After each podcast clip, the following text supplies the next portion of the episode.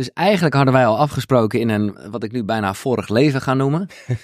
Eh, wat op zich een paar weken geleden is. Eh, maar ik zeg net tegen jou toen je hier binnenkwam, ik ben blij dat het nu is. Ja. Want ja, ja, dat heeft dan gewoon zo moeten zijn. Het, het klinkt een beetje flauw, maar dat is echt zo. Want in het systemisch denken, nou is er natuurlijk een hoop veranderd. Tenminste, vind ik natuurlijk, op het moment dat je vader wordt. Zeker. Ja? Ja. Hoe heb je dat zelf ervaren? Even voor de duidelijkheid. We hebben Hielke Bonnema. Hij is van het nieuwe opstellen. En wat dat is, nou, daar gaan we het natuurlijk over hebben. Dat is letterlijk ook trouwens de titel van zijn boek. Geld verdienen met je roeping. Heerlijk om te lezen. Van spanning naar spirit. En hij zegt me net, had ik natuurlijk niet mogen zeggen, maar eh, hij is bezig met een vierde boek. Of een nieuw boek in ieder geval. Eh, welkom. Dankjewel. Wat heeft het voor jou veranderd dan, het, het, het vaderschap? Nou, het, het, het, ik zeg altijd in mijn groepen dat het, dat het een. eh, Maar goed, laat ik beginnen met het, het. Ik zal nooit vergeten dat. Dat we hadden een natuurlijke bevalling gepland. Hè? Dus thuis met een bevalbad. Eh, ik ben echt fan van natuurlijke geboorte. En eh, Josephine is hier kindbinding. Nee, ja. daarom, daarom, Ja. daarom. En borstvoeding. Allemaal dingen die ik vroeger zelf niet gehad heb. Waar ik eigenlijk mijn hele leven in therapie aan heb moeten werken. Bij wijze van spreken. Ik moet er bijna nog van huilen.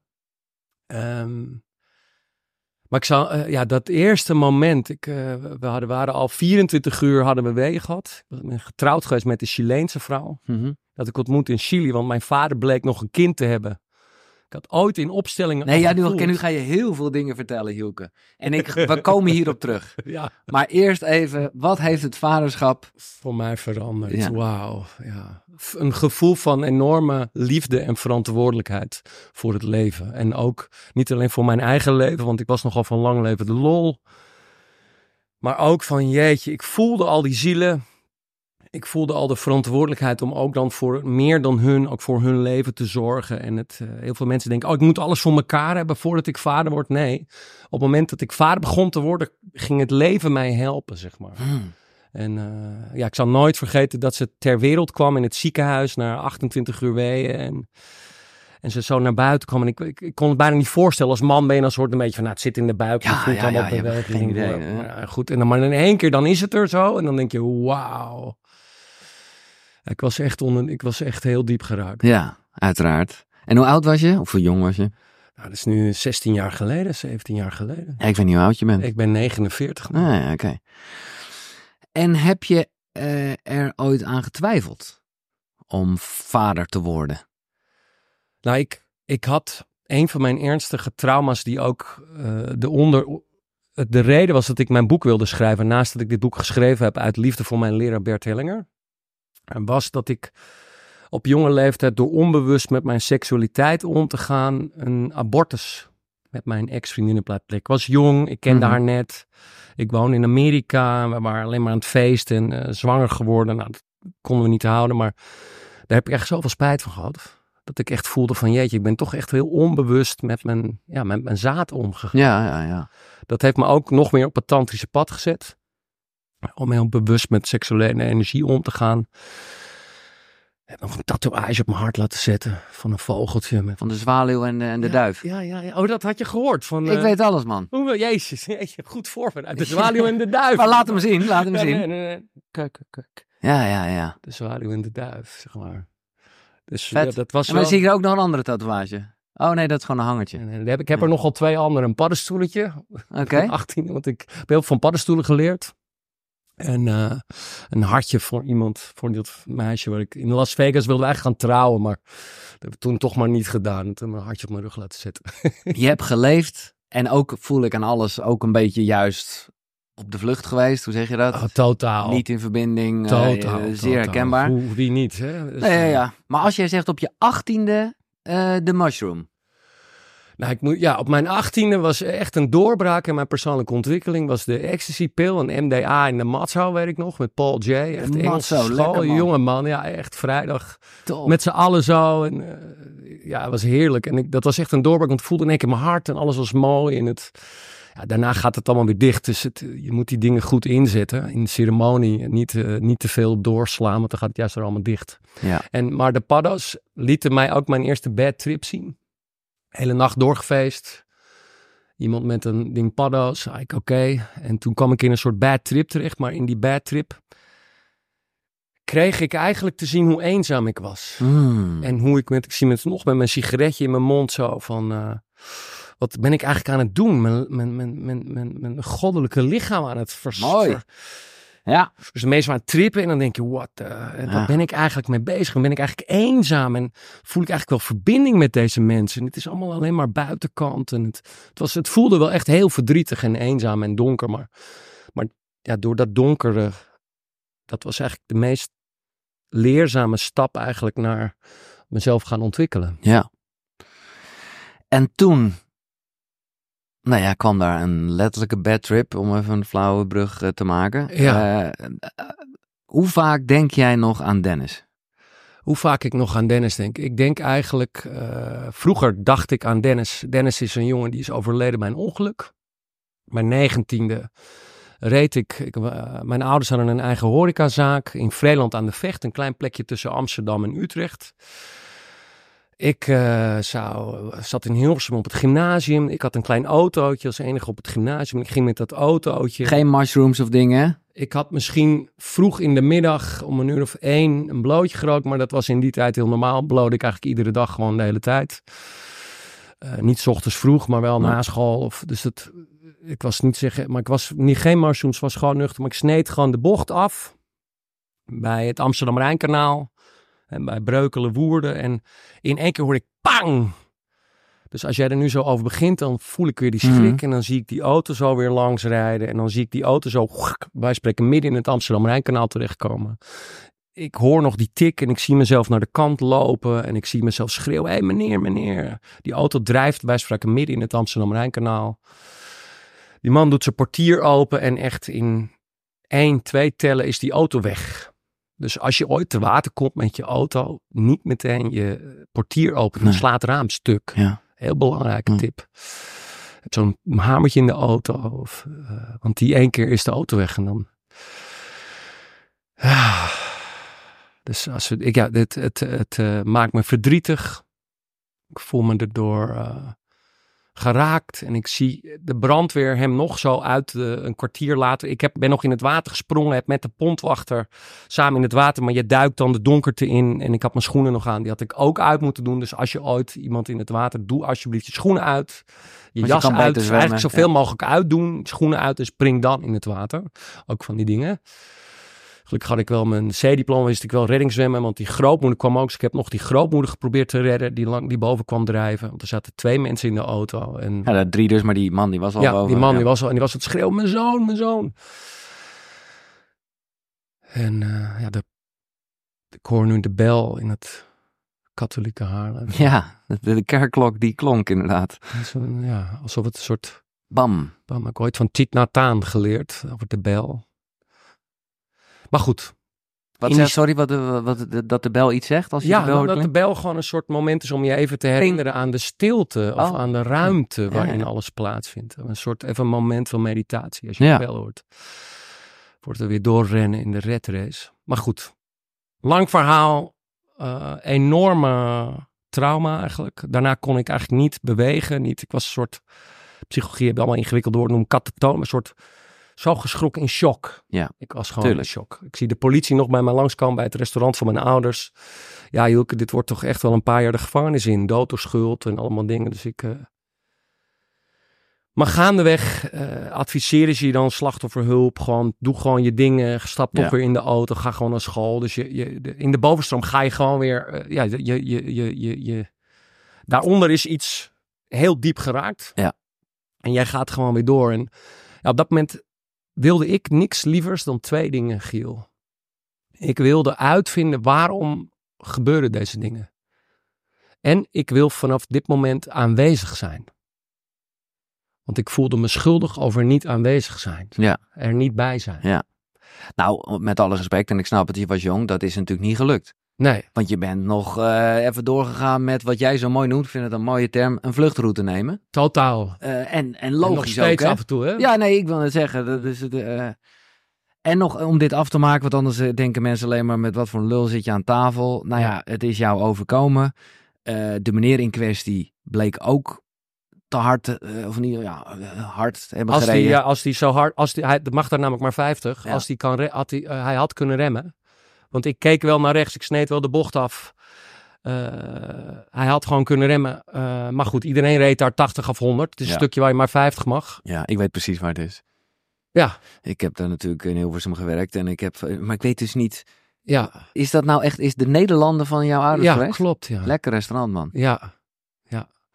Dat hebben, ja, Nou ja. goed. Daar woonde ik toen ook, eh, heb ik ook nog boven gewoond. Ik ging vroeger in Hilversum. Dat is toch best de chique tent, heb ik Dat was een chique tent, Ja, ja. Nee, je had een ster. Mijn Ja, ouders ooit nog aan Jan de Wit verkocht. ja, klopt, met zo'n grindpad en zo. Ja, ik wil nog één ding toevoegen, twee dingen toevoegen over het ongeluk. ja, Eh, heel schuldig gevoeld. Ik heb eh, contact gezocht met die familie, want ik wilde dat aangaan met hun.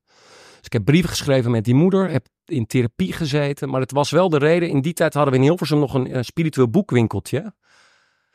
Dat ik het voor het eerst een spiritueel boekwinkeltje inging en echt op zoek ging, zeg maar. Dus voor mij persoonlijk was het als het ware mijn wake-up call. ja, We hebben allemaal vaak iets, een burn-out, Ja. een scheiding of Ja. een soort, eh, weet ik veel, een bad trip of whatever. Maar dat was wel de reden.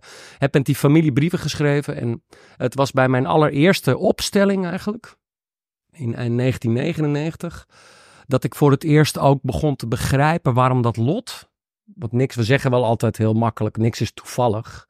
Maar hoe, we ervaren toch ook heel vaak gewoon toevallige dingen, dat we Ja. pech hebben en... En in dit geval, maar door die eerste opstelling kon ik wel echt zien voor het eerst waarom dat mij was overkomen. En dat is jou overkomen vanwege eh, de broers van je opa? Of ga ik nu echt Nee, de, de, de, de, mijn oma, mijn Ja? Beppe uit Friesland Oh ja, Beppe in het Heidenskip, die, eh, die bleek nog een broertje te hebben waar ze op moest passen, ook een, jong, ook een jongetje. Zij moest op haar broertje passen. In Heidenskip, klein plekje bij Workum in Friesland. Zij moest op haar broertje passen. Toen is dat broertje verdronken.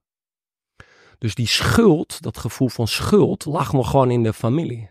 Ja, Dus in die allereerste opstelling, en dat, dat is een soort ceremonie. Hè? Als je dat nog nooit hebt meegemaakt, dan raad ik je aan dat een keer te gaan ervaren. Kan tegenwoordig bijna overal in Nederland. Heel bijzonder om een keer zo'n veld te varen. Dat onbekende mensen eigenlijk eh, in een paar seconden, zonder dat je iets verteld hebt, eigenlijk. Het lijkt dan op toneel, maar het is geen toneel. Die gaan representeren eigenlijk wat er is gebeurd. Ja. En eh, er zitten altijd hele wetenschappelijk georiënteerde, rationele mensen om en die denken, hoe werkt dit nou? nou? Om je te vertellen, dat weten we dus nog niet precies, want de westerse wetenschap is nog niet zo ver. Maar het werkt wel. mooi gezegd. Ja. ja. Ja. Maakt niet uit eh, hoe het dan werkt. Hè? Die piano maakt ook muziek. Maar, maar denk jij dan dat je je heel anders had gevoeld als dat niet in je familie was eh, gebeurd vroeger? Dat snap ik er niet helemaal aan. Omdat ik denk van, ik snap, oh toevallig, er komt nog een keer schuld en nog een keer eh, een kind overlijden in voor. Maar ja, heel eventjes eh, cynisch, wat maakt het uit? Ja, je hebt gewoon een gozer van 12 per ongeluk doodgereden. Dat Ja. was sowieso al kut geweest. Hoe, Ja. hoe, hoe wat, Ja. wat, wat, nou, wat- je wat- hebt eigenlijk verschillende vormen van lijden. Je hebt de gewone vormen van lijden zijn dingen die je in je leven meemaakt. Waar je eigenlijk, ik had natuurlijk nooit de intentie om die... Om daar niet te stoppen voor een stopbord. Die gevolgen van gevolgen van gevolgen had ik natuurlijk nooit gewild. Nee, nee, nee. Daar heb ik ook heel veel jaren schuld eh, mee gehad. Maar wat gebeurt er nou? Dat hebben we met heel veel andere dingen in ons leven ook. Mijn schuld, er zit al een soort schuld in mij, in mijn Ja, limbische systeem, in mijn onbewuste brein, zoals Freud of Jung dat dan noemde. Er zit een soort schuld in mij opgeslagen, trauma, transgenerationeel trauma heet dat Mhm. dan. En die wordt meegetriggerd door dit ongeluk. Sterker nog, op een grote universele manier zou je bij wijze van spreken kunnen zeggen, heeft het universum mij getrakteerd bij wijze van op deze situatie, omdat er in mijn onderstroom al een soort zaadjes of karmische tendensen lagen, zodat ik dat mee moest maken. En heel nuchter, ja, ik heb gewoon verantwoordelijkheid daarvoor te nemen. Schuld betekent in het oud-Germaanse ook verantwoordelijkheid nemen. Hè? De katholieke kerk heeft er iets van gemaakt van boetedoening en schuld echt. Kan ik een lang verhaal over vertellen? Nou, ik wilde er eigenlijk al een beetje, maar sorry. ja, Goed, ja. Nou ja, Maar goed, het is gewoon verantwoordelijkheid nemen. schuld gaat over verantwoordelijkheid. Ik Ja. weet nog dat ik naast Bert Hellinger zat Dat is de man in die, die 2008. het systemisch denken heeft ja, uitgevonden. Dat ik, en dat ik, me weer, dat ik het weer over schuld had voor de honderdduizendste keer. Want dit is wel iets waar je nog even mee bezig bent, zal ik Uiteraard, stellen. ja. Nou, brieven met die moeder. En, eh, maar op een gegeven moment, wat er gebeurde in die opstelling was dat ik me realiseerde. Want mijn vader, ondernemer, horeca-ondernemer, zijn hele leven eh, veel drank drinken. Er gaat geen dag voorbij of ze drinken wel. Ook een soort sluimerende de- depressie. Dus mijn vader heeft ook iets van schuld. En die had die schuld overgenomen van zijn moeder. En ik had waar die schuld weer overgekopieerd van mijn vader. Zo werkt dat dan. Want wij, wij kopiëren onze emotionele, relationele bindingspatronen. De manier waarop we in verhouding staan met anderen. één op één van onze ouders. Ja. Nou, en daarom wilde ik naar dat geloof toch. eh, omdat ik dan eigenlijk denk, en dit, dit is een beetje wat in eh, gesprek met Maarten Overs hier dan ook zo naar boven kwam, dat dat hele schuldverhaal, daar heeft iedereen in Nederland misschien wel mee te maken. eh, of wat zeg ik, in de westerse wereld met dat hele geloof en, en wij nederig mensen. Ja. We hebben een poppetje van iemand die aan een kruis genageld is eh, boven. Nou, dit is helemaal recht in de roos waar mijn nieuwe boek dan Ah. over gaat. Dit, Oh. hele verhaal. Ah, Oké. Dat is tijdens de coronacrisis dat ik op een gegeven moment dacht, what the fuck? Waarom loopt iedereen als een soort makkerschaapjes? Ja, we zijn Los van of het wel of niet waar is, maakt me niet uit. Alleen waarom zijn mijn zogenaamde medewetenschappelijk gestudeerde mensen, ik heb mogen studeren in Leiden, waarom zijn deze mensen allemaal wel, wel opgevoed, goed doorgeleerd, zogenaamde wetenschappers? Ja. Waarom loopt iedereen als makkerschaapjes zomaar achter dit verhaal aan? Ja, nou ja, oké, helder. Ik kan niet wachten op dat eh, boek, want dat is een zeer interessant thema. En ik en denk dat toen in dat die allemaal corona had ik dus ook heel veel tijd, want al mijn groepen mochten niet doorgaan om eh, nog meer ja, te lezen mag- dus natuurlijk. Dus die doen. boeken waar ik je zo nog op ga heb ik veel te lezen. En toen ontstond ook het verlangen om me dus de essentie, en ik- het spijt me dat ik soms wat moeilijke woorden gebruik, maar waar, hoe zijn we ooit in die dualiteitsvalkuil terechtgekomen? Subject, object. Jij bent daar, Giel, en ik ben hier. Mhm. En eh, jij Ja. bent dat. Ja, En wij moeten vechten tegen, want zij zijn kwaadaardig. Of het nou de Russen Ja. of IS zijn. Het is niet dat het niet waar is. Maar ik bedoel, nee. ik hoe komen, waar, waar zijn we in godsnaam dat eenheidsbewustzijn? En is de duivel eigenlijk, theologisch kunnen ze dat ook nooit goed oplossen. Hoe zijn we in godsnaam in die valkuil getrapt? Dat de duivel een soort van in de ondergrond, ondergrond en het licht is boven in plaats van beneden. Waar, waar, where did it go wrong? Where did it go wrong? Ja. Nou, het geloof heeft er in ieder geval een stimulerende rol in geweest, zonder een Ja. boeman. eh, Nee, maar, zij hebben wel vanuit de machts... eh, en al die jaren opstellingen doen. En ook met plantmedicijn. Ik moet zeggen, de combinatie in mijn eigen proces tussen meditatie, plantmedicijn en werken aan mijn eigen trauma's... kan ik iedereen aanbevelen. Wel gedoseerd Ja, ja, en onder... maar eh, dan kom je wel fijn met zo'n alles Dan is schiet je in deze non- huidige cultuur- Daar waar we dus eigenlijk al eeuwen al eeuwenlang dit kwijt zijn. Hè? Mijn ouders waren het kwijt. Eh, hebben ook- geloofden nergens meer in. Nee. Dus je, als je het dan geschiedkundig bestudeert, zie je dat we eigenlijk al 200, 300 jaar eigenlijk het hele spirituele kwijt zijn. Nietzsche zei al, God is dood, hè? Mooi voorbeeld eigenlijk. En dan zie je eigenlijk dat in de middeleeuwen we eigenlijk, de, de werd vanuit de renaissance, want die had gewonnen, vanuit de, in ons, we leren eigenlijk de verkeerde geschiedenis. Oh, maar ik moet zeggen, de geschiedenis is echt iets. Ik eh, ben er helemaal niet zo mee bezig, maar ik merk dat het een soort rode draad is in eh, de laatste podcast. Eh, nou ja, ik snap ik ben wel. echt een geschiedenisknop. Ja, oké. Nou ja, het is ook wel van belang of leuk om te weten, maar ik denk vooral toch een beetje in het nu of in de toekomst van oké. maar goed. eh, Ja, maar dat denken heel veel mensen. ja. Streep door het zand. Ik heb in het bedrijfsleven training ja, maar jij zegt dat kan niet. Nee, dat is ook. Ja, zo. als wij niet onze geschiedenis Nee, weten, nee, dan kan je het ook niet helen. Ja, oké. kan je het ook niet helemaal, kan je ook niet vooruit. Stel dat Graham Hancock wel gelijk heeft, hè, met zijn verhalen over ancient civilizations. Eerst is het dan interessant, stel dat het wel zo is, waarom wordt het dan wetenschappelijk zo ontkend? Ook weer interessant. Waarom mogen sommige verhalen uit de geschiedenis? En Ja. ik ben hier goed in geworden, Giel, in alle oprechtheid, omdat mijn opa zijn broers bij de Waffen-SS hebben Ja.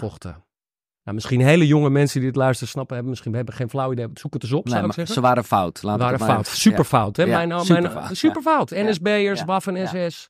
Ja. En mijn familie aan de andere kant zijn verzetsheld. Supergoed. Ja. Supergoed. Ja. Nou, dualiteit ten top. Ja. Ik hun kleinkind. Ta-ta-ta-ta. Ja. Maar waarom heb ik gekozen als ziel voor dit? Omdat ik niks lievers wil dan die dualiteit oplossen. Maar wat zeg jij dan nu zonder dat je gelijk eh nazi wordt bestempeld? Is iedereen goed? Ik, ik geloof dat iedereen in zijn hart goed is. Absoluut. Nee, oké. Ik hoop ziel, duidelijkheid. echt waar. Ik, Dat mag, echt eh, waar. Maar dat, het belangrijkste is dat ik door al die 25 jaar familieopstellingen doen en de hele tijd zag dat mensen eh, zowel het werken met kanker als het werken met relatieproblemen, als het werken met mensen die eh, hun praktijk als coach niet goed neer konden zetten. Het stroomt maar niet. Het stroomt maar niet in die praktijk. Dat bleek uiteindelijk dat ze daadkracht misten. Ja. En wat bleek nou? Als ze die daadkracht misten, dan bleek dat ze hun daderschap niet hadden omarmd. En het daderschap was vaak terug te voeren tot de Tweede Wereldoorlog. Want na de oorlog eh, heel klein beetje geschiedenis. Ja. Na de oorlog was zogenaamd 99% van de bevolking bij het verzet. Ja, precies. Dat kan helemaal niet. Dat is een mooie, eh, ja. 99% van de bevolking bij het verzet. In 1942, voor Stalingrad, klein beetje geschiedenis. Stalingrad was een keerpunt in de Tweede Wereldoorlog. Als jij ook maar wat moest doen. In 1942 waren de Duitsers gewoon al twee jaar de baas in Nederland. Mhm. Dat betekent alle ambtenaren, iedereen die wat dan ook maar, kleine middenstanders die voor wie dan ook maar werkte, in de, was allemaal, werkte een soort van met de Duitsers mee. Voor de Duitsers, met de Duitsers. Ja, dus in 1942 was helemaal niet Kan eh, 99% helemaal niet. Nee, nee, van de bevolking. we het me, eh, Maar is, en, en, en eh, nog eventjes wat eh, abstract en algemener voor iedereen, schuld. ja. Wat is dus, want jij zal je, als ik weer even terug ga naar het ongeluk, jij zal je boos, je was verdrietig. Hè? ja. Wat is uiteindelijk de crux? Is dat, zoals ze mooi in Cursus in Wonderen zeggen, ja, jezelf vergeven dat je de geschiedenis niet kan veranderen? Wat is, hoe kom je af van schuld? Door het, ja, Nou, schuld heeft dus die verschillende lagen. Ja. Ik heb dus persoonlijke schuld aan het ongeluk. Daar kan je gewoon in gaan staan en als een soort energie gebruiken in het nu. Dat je denkt, wauw, ik ga gewoon weer iets goeds doen. Ik ga er gewoon iets goeds mee doen. Zoals de schuld voor mijn abortus bijvoorbeeld, weet je wat? Mhm. Ik ben nu één keer onbewust met mijn zaad gaan. De volgende keer als ik aan het vrijen ben, dan... ja precies. Gewoon het gebruiken kijken- als een les. Ja, weet je wat? Dan ga ik, als ik dan klaar kom, dan zeg gewoon, dan ga ik erin staan dat ik een kind met deze vrouw wil. Of dat ik een condoom gebruik. Of whatever, whatever, Ja. whatever. Ja. Dat je in gaat staan. Maar je gaat ook onderzoeken welke oude schuld heb ik op me genomen uit mijn familiesysteem. En welke onvertelde verhalen, dat is eigenlijk de essentie. Daarom begon ik ook over de oorlog. Mhm. Welke onvertelde verhalen. Het is dat daderschap en dat daadkracht. Ik was in 19 2012, in die financiële crisis, was ik bijna failliet. Ik werkte heel veel voor de Rabobank. Ik deed heel veel grote leiderschapstrainingen met behulp van systemisch werk voor de Rabobank. Allemaal over de hele wereld, Ja. allemaal directietrainingen, allemaal dingen. Zij cancelen de klus. Zij cancelen de klus. Dus ik had in één keer 80% van mijn inkomen weg.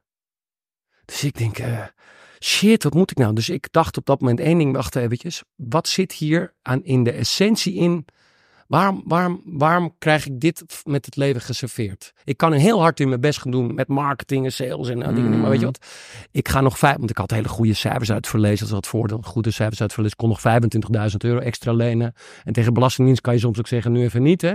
Ja, ja. Dus had ik in Dus je toch ging juist geld lenen, wat een mooie les is. mooie les. En ik dacht één ding, ik moet van binnen in mezelf aan de, aan de bak. En ik ontdekte toen pas dat hele Waffen-SS verhaal. En toen stond ik in een opstelling. Dat is een soort ceremonie is dat hè. Dat was echt nog met Weiland Bert Hellinger erbij. Weile Bert Hellinger erbij. Ging tien dagen. Ik dacht, ik moet dat geld eerst inzetten. Ik met de trein naar Zuid-Duitsland met de Weile Bert Hellinger. Ik ging eigenlijk ieder jaar tussen 2004 en 2012 ging ik, volgde ik hem als een soort devotee over de Ja. hele wereld. Ging ik van hem zijn. Ik, ik dacht, dit is geweldig. Ja. Hij, heeft, hij snapt het. En toen, dit dit vind ik mooi, er wordt wel vaker verteld dat ook de, de, de representanten, eh, hè, dat dat helend kan werken. Nou, daar ben jij het l- levende voorbeeld van. Ja. Want jij moest in een rol ja. als ook echt SS'er? Of wat Nee, was nee, nee, nee, nee. Er was een andere jongen. Want ik stak de hele tijd mijn vinger omhoog. Ik ben ook zo'n vervelende gast die vroeger, eh, die altijd vooraan zit. Ja, ik wil het heel graag. Ik ben gewoon een, een zo'n, ik was gewoon echt, ik dacht, ik moet, ik, ik hou van die, ik, ik hou van hem. Ja. Ik voel dit gewoon. Alles in mijn cellen zeggen dat ik dit heb nodig heb om mezelf te helen. Maar ik, ik dus ik, Je wilde en ik, graag. En ja. er was een gast die was ontzettend verslaafd aan allemaal dingen. En dat herken ik van mezelf. Heel veel blowen en allemaal dingen doen om de vlucht, vlucht, vluchten. Die was eigenlijk, het was zijn opstelling. Maar het bijzondere is als je met een groep toegewijde mensen deze reizen maakt, deze innerlijke reizen maakt, dat je dan net zoveel leert van de opstelling van iemand anders. Ja. Representant zijn in de opstelling van iemand anders dan van je eigen Ja, opstelling. dat is bijzonder, ja. en toen mocht ik dus staan voor een Oostfrontsoldaat. Hè? Dat Oostfront, daar is echt de Tweede Wereldoorlog beslecht. Hè? De Russen hebben, laten we wel wezen, de, eh, Niet te veel geschiedenis hier, niet te veel geschiedenis hier. Nee, nee, nee.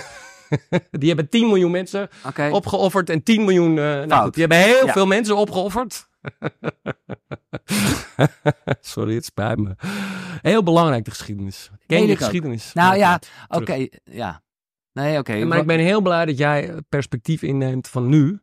Want nu is heel belangrijk. Maar nu is inclusief heden, verleden, Dat is waar. toekomst. Maar, nee, maar ik wil je eerst dit verhaal laten afmaken, want dit is een mooie key scène in jouw leven. Ja. Dan gaan we toch straks op mijn initiatief op, over geschiedenis hebben. Maar jij staat daar dus als representant en jij voelt ineens. Ik sta daar uh, als representant voor een Oostfrontsoldaat, hè, waar de Waffen-SS en mijn oud-oom dus gevochten hebben, hè, in de Oekraïne of all places. Uh, tegen de Russen. Uh, in één keer voel ik daar een soort. Ja, dat, dat, je zou het donker. Het is heel bijzonder dat juist in die. In één keer voel ik de schuld. En die schuld transformeert in kracht. Ik voel eigenlijk iets, en dat mag je eigenlijk niet hardop zeggen, maar ik voelde die liefde van die gasten, zeg maar. Herkenbaarheid, laat Die het donkere soldaten, zeg maar. Ik, niet dat ik op dit moment nee, op wat voor manier ik dan vind ook... liefde in dit geval een heel... Maar ik snap hem. Maar zij... Maar gewoon je voelde iets dat je dacht, Ik ja, voelde dit, hun dit kracht. Ik, ik voelde hun... En ik voelde dat mijn oordelen, of mijn, mijn manieren van oordelen daarover wegdoemde. En dat ik vanaf dat moment eigenlijk die strijdlust, die strijdkracht in het hier en nu kon gebruiken als daadkracht in mijn leven. Dat was het. En ik ben veel eerder, eh, ik stem bij Partij voor de Dieren, net als Ja, David. En, en, en dus ik ben gewoon echt meer een... Ja, ik denk dat de moeder natuur en de planten, de dieren en de kinderen, ik bedoel, that's it, snap je? Ik snap wat ik wil nu. Ja. Dan lijkt het net alsof ik geschiedenis oninteressant vind. Helemaal niet. Sterker Nee. nog, ik vind het super mooi hoe jij het hebt over eh, de gevangenis van je geschiedenis. Ja. Mooi gezegd. Dat, vind ik, ja, Nee, dat, is dat jouw prachtig. tekst. dat is jouw tekst. Oh ja? Ja, ja, het is jouw tekst. moet Nou, ik eens een keer lezen. Ja, dan. nee, daar, ik vond het echt heel mooi. Ehm, alleen dacht ik ook, eigenlijk is het juist ook weer geen gevangenis, want, en dat is dan ook weer, eh, ook jouw tekst, je trauma is je grootste talent. Ja, ik ben echt geraakt de hele tijd al tijdens het gesprek hoe goed je dit hebt voorbereid en hoe mooi, hoe diep je in de materie Ja, bent. ik vind, maar ik vind Nee, maar ik, dit, ik- ik, ik- ben, nee, maar dat raakt ontroerd. Dat ik heb nog niet eerder een podcast iemand gehad die er zo diep in zat als jij. Dat moet Ik vind het een zeer onrustig gesprek, maar ik geniet er wel van. Ik hoop dat mensen de energie voelen, want we zitten, eh, ja, lekker. Mijn enthousiasme, Wederzijds. enthousiasme, ja. Ja, dat is waar. Dus de, de, kijk, de grote verwarring die in de westerse cultuur ontstaan is, is dat we zijn gaan streven naar het licht naar boven, zeg maar. De ratio is een soort verheven als een soort, dat is die, die dualistische Ja, valkuil Dat, eigenlijk. dat, eh, ja. Terwijl eigenlijk het licht zit eigenlijk in het donker. En de, de, de, de, je, je, je levenskracht op het moment dat je dus naar, je aandacht niet naar boven hebt naar het licht, is een vluchtroute. Mhm. Ik heb jaren in die spirituele groepen gezeten en dan keek ik om me heen, al die mensen op die kussens die zaten, dacht ik, ja, zij zijn helemaal niet blij. Nee. Ze hebben geen seks, ze feesten niet en ze, ze werken niet aan hun carrière. Als ze hier straks weer weggaan, hebben ze niks op de bank. Snap je? Ze eten alleen maar vegetarisch. Ik bedoel, heel goed voor geen planten. Maar ik, ik, ik dacht, de, de, de, het- de levenskracht, daar gaat het om. Ja. Die Kundalini levenskracht. En dat zit ook in je verantwoordelijkheid nemen. Voor je geschiedenis, waar je vandaan komt. Alleen dan kunnen we verder. Jij noemt dat eh, eh, aangekoekte diamanten. Dan, ik denk dat we allemaal gelijk een beeld hebben. Dus dat is fantastisch, maar er zit wat ruis overheen. Maar kan je, ik weet niet of dat in woorden te duiden is, dan als we. eh, wat is dan nu? Hè, we kennen nu dat schuldverhaal van in, in dit leven en in eh, je geschiedenis. Hoezo is dat dan nu iets krachtigs voor jou? Of wat, wa- wa- waardoor ben ja. Hoe, hoe kan je dit positief draaien van en daardoor ben ik nu heel goed in. Kan ik het zo zeggen of is dat te kort? Ja, door? nou ja, goed. Het is meer als je dus die trauma's, die transgenerationele trauma's doorwerkt. En dat is niet een soort quick fix. Nee. Ik bedoel, dit is 25 jaar, 30 jaar in mezelf op reis zijn. Met, eh, Mhm. noem het maar op. Ja. Eh, dus je kunt heel veel blijven shoppen. Je zult op een gegeven moment echt stapje voor stapje voor stapje. En het gaat dan echt over het leren doorvoelen. Als mijn kinderen vragen, papa, wat doe je eigenlijk met werk? Dan zeg ik altijd, jullie weten dat papa soms niet zo goed kan voelen. Hè? Dan zie je ze allemaal, ja. Dan zeg ik, nou, papa heeft gewoon van zijn werk gemaakt waar hij zelf niet zo goed in is. En hij helpt andere grote mensen leren voelen. Dus het, het gaat echt over met je aandacht naar binnen gaan. En naar die emotionele plekken toe, naar binnen gaan en dan daar contact mee maken. De emotie erin voelen, het verdriet erin voelen. En dan, dan voel je op een gegeven moment in de essentie, denk je, oh, ik ben hier zo door geraakt. Ik wil niks lievers. Wat doet dit mij pijn, zeg? Of Oh, en dan, heel veel mensen zijn ook gehecht om in die dualiteit aan hun slachtofferidentiteit te Mhm, blijven mhm, hangen. Wat mhm. ben ik zielig. Mhm. En eh, jij, narcistische partner, hebt mij dit aangedaan. Het is ook allemaal wel waar. Alleen, jij hebt er niks aan. Je komt meer in je kracht dat je ook erkent en herkent. Jeetje, ik ben hier ook mede. Ik, eh, daar komt kracht terug. Ja. Ik heb, een, ik heb een slogan, of ja, het slogan is, maar dan maak ik hem gelijk ook kapot, maar dat is een beetje ontstaan. Dat Koekeroe, deze podcast, er niet is om je goed te voelen, maar om goed te worden, of beter te worden, in voelen. Wauw. En dit is wat het is. En juist ook dat hele, ja, ook zogenaamd negatieve dingen, maar gewoon echt, echt, nou ja, als ik even ga naar van spanning naar spirit, eh, waar je een soort, soort, daar heb je een stappensysteem in, dan is het kijk je leven aan, eh, ervaren wat je voelt, Ja. en, en dan komt herkende oude verhalen, hervind je levenskracht en toon je leiderschap. Ik bedoel, dit is voor mij, jongen, dit is, eh, ja, dit is mijn leven waar ik midden, middenin zit. Ja. In dat ervaren wat je voelt, voelen, eh, je gaat ook letterlijk eh, contact maken met, met, met je lichaam. Ja. En jij, ik weet niet of je dit nog weet, want het is voor jou natuurlijk een oud boek, maar ik vond dit fascinerend, juist omdat ik hier zo zelf mee bezig ben en dit ook mijn zwakke plek is. Dus ik voel zoveel herkenning. Jij maakt een soort verschil tussen lijf en lichaam. Ja. Weet je dat nog? Ja, nee, zeker. Dat is weer heel belangrijk. Want mijn, mijn oorspronkelijke... Ik ben ooit nog afgestudeerd op de universiteit in Leiden. Oh, En dat ik een, mijn afstudeerscriptie ging over het lichaam in de psychotherapie. Het lichaam in de psycho- Maar in het Duits heb je ook het... Je moet heel goed opletten in boeken of teksten of dingen... dat je goed begrijpt wat ze eigenlijk bedoelen. Want als je het woord lichaam zet... zet je dat eigenlijk ten opzichte van het woord geest. En zit je weer in de dualiteit. Hmm, dan, ja, ja, ja. En ik heb als kind, omdat ik in het ziekenhuis heb ik ervaren dat dokters echt. Ik, ik zie in mijn vak al 25 jaar dat alles weefsel, al het lichamelijke weefsel, al, het, al jouw cellen Ja. zijn bezield.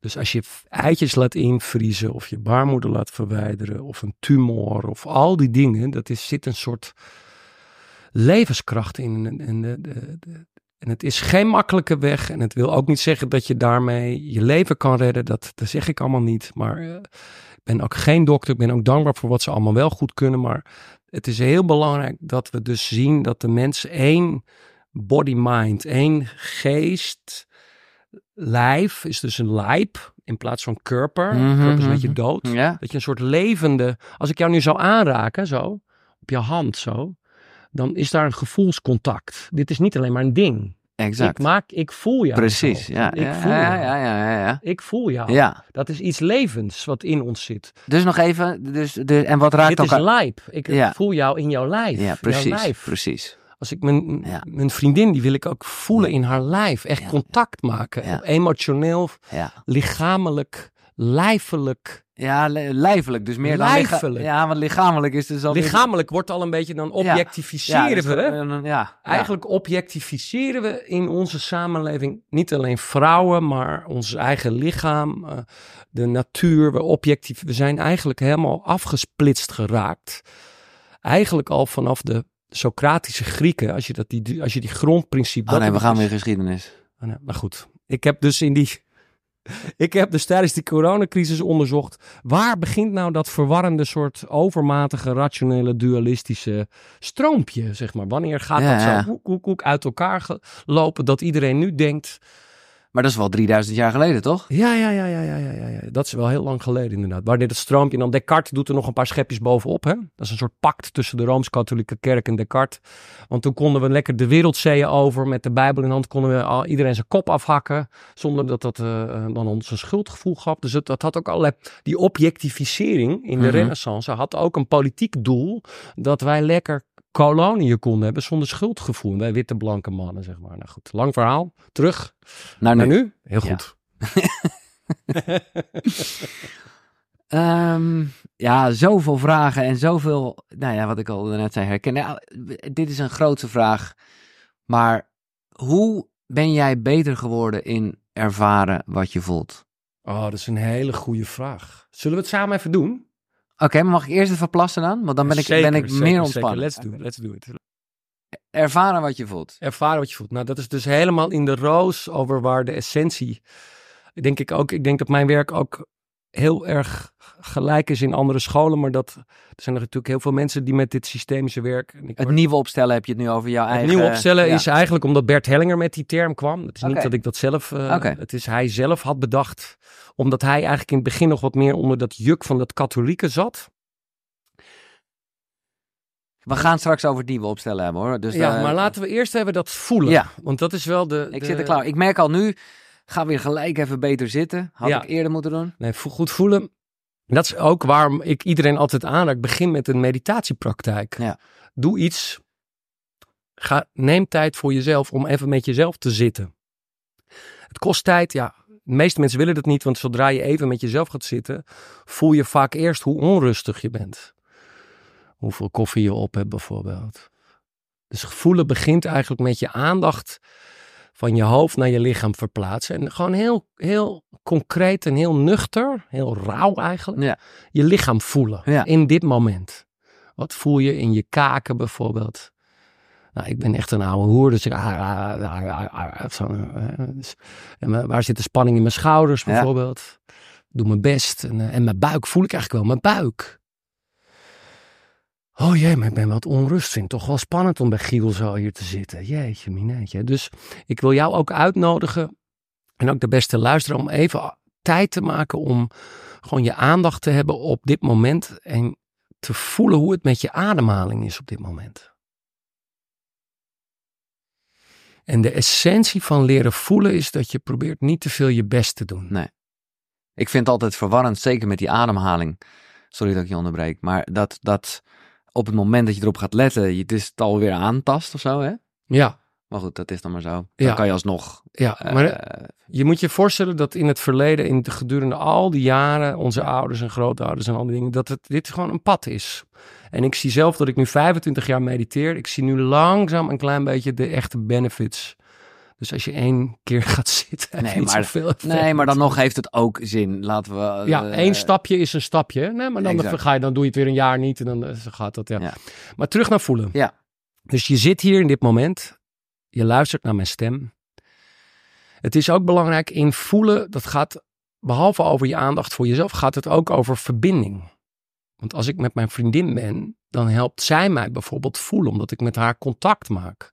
Nu ik jou voel, net jouw hand aanraakte. Dus voelen gaat ook soms beter samen Hmm. oefenen in voelen. En het is ook, ik heb net nog een blog geschreven en daarbij heb ik beschreven hoe ik ook toch 10 of 15 jaar in therapie gezeten heb zonder veel effect. Om, en ook gemediteerd heb eigenlijk zonder veel effect. En dat had te maken met de oorspronkelijke intentie voor mij om te willen voelen. Ja, ja. Zat daar toch een ego-ding achter? Of hoe zou je dat Nou, meer van eigenlijk zo'n diep gevoel van niet goed genoeg zijn. Ja. Mijn moeder voelde zich niet goed genoeg omdat ze de dochter was van een NSB'er. Dus mijn moeder was ook zo. Mijn vader voelde zich niet goed genoeg om door de dingen.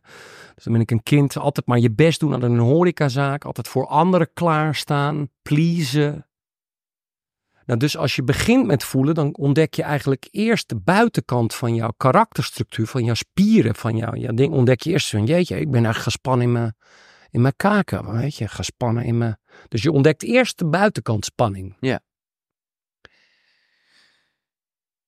En dan denk je, jeetje, voel maar eens nu je lichaam, als je zo, of je lijf, hè, voel maar eens hoe, waar nu de spanning zit. En dan je kaak en je keel. En je gewoon slikken en toch een beetje. En dan ga je via die buitenkant spanning, als je dat kan voelen, is er nog een subtielere laag. Dit is allemaal subtieler dan, je, je hele, dan de, de luide stem in je hoofd. Hè? Die is heel luid. Dan de ratio, ja. dan de ratio. Maar, en dan ga je daarin voelen, jeetje, ik, ben, ik heb toch al een soort knagende verdrietigheid eigenlijk hier. En jeetje, daar vlucht ik eigenlijk van weg in seks, drugs en rocken of hard werken of eh, whatever we doen allemaal doen om, goh, zie maar. Dus in, in het begin van voelen ontdek je eerst eigenlijk de vluchtroute. Ja. En dan zodra je die verdrietigheid dan kan, die emotionele laag kan toelaten, dat kan wel jaren duren. Bij mij, ik denk dat pas een paar jaar geleden, dat ik op een gegeven moment denk, jeetje, ik heb, kan wat voelen in mijn hart. Dan was ik al 15, 20 jaar op reis, zeg maar. Hè? Misschien ook wat met leeftijd te maken. Ja, de daily practice. eh, De daily practice. Vooral de laatste jaren ben ik steeds gedisciplineerder in mijn practice. En dan voel je die gevoelens langzaam en denk je, wauw. Hè. Je ademt daar naartoe. Dan als je niks voelt en je voelt alleen maar leegte, dat is ook oké. De meeste van ons, zoals gezegd, jaren voelde ik helemaal niks. Dus dat uithouden, zeg Ja. maar, die leegte en die spanning. Dat vind ik heel mooi dat je dat zegt. Ik heb, dit was een hele fijne eye-opener voor mij. Omdat ik ook erg zat met die verbinding. En dat ik op een gegeven moment dacht, wauw, als ik geen verbinding voel, ja, dan voel ik dus dat er geen verbinding is. Precies. Dat is, Precies. ja, Precies. Precies. Ik had altijd leerlingen bij mij in de groep die zeiden: Hielke, want ik, ik geef eigenlijk les in opstellingenwerk altijd. Hè, en die zeiden dan: Hielke, mijn cliënt kan niet zo goed voelen. En dan zei ik altijd: ik, lieve schat, ik heb groepen van 100 mensen en ik heb nooit iemand die niet kan voelen. Want bij mij kom je gewoon niet weg. Ik kijk jou dan aan, zegt iemand: Ik kan helemaal niet voelen. En dan, en dan zeg ik: Wat voel je nu? Je voelt nu dat je niet kan voelen. Hè? het is top deze. Hè? Ja, maar het is echt, Dat is echt ja, dus de, die, die, die oude Grieken hadden het ook al door. In de paradoxaal, in de paradox, dus die oude wijze, parado- de, de- in de paradox zit de waarheid. Als iets te rechtlijnig dit is of te rechtlijnig dat is, dan moet je altijd een stemmetje aan denken, oeh, something fishy. iets klopt hier niet.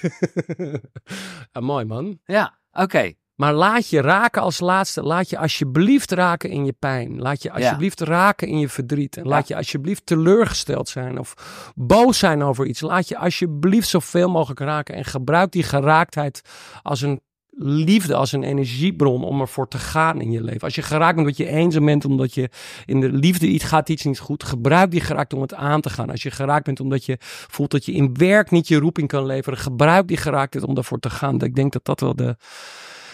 Ja, Dat is wel de essentie van alles wat jij doet. Ja, dat Gebruik de ik, geraaktheid. Gebruik en- de geraaktheid. En, en voel. ja. Ja. Durf te voelen. En ik kan je leren. En ik, en, ja, ik leer mensen eigenlijk voelen.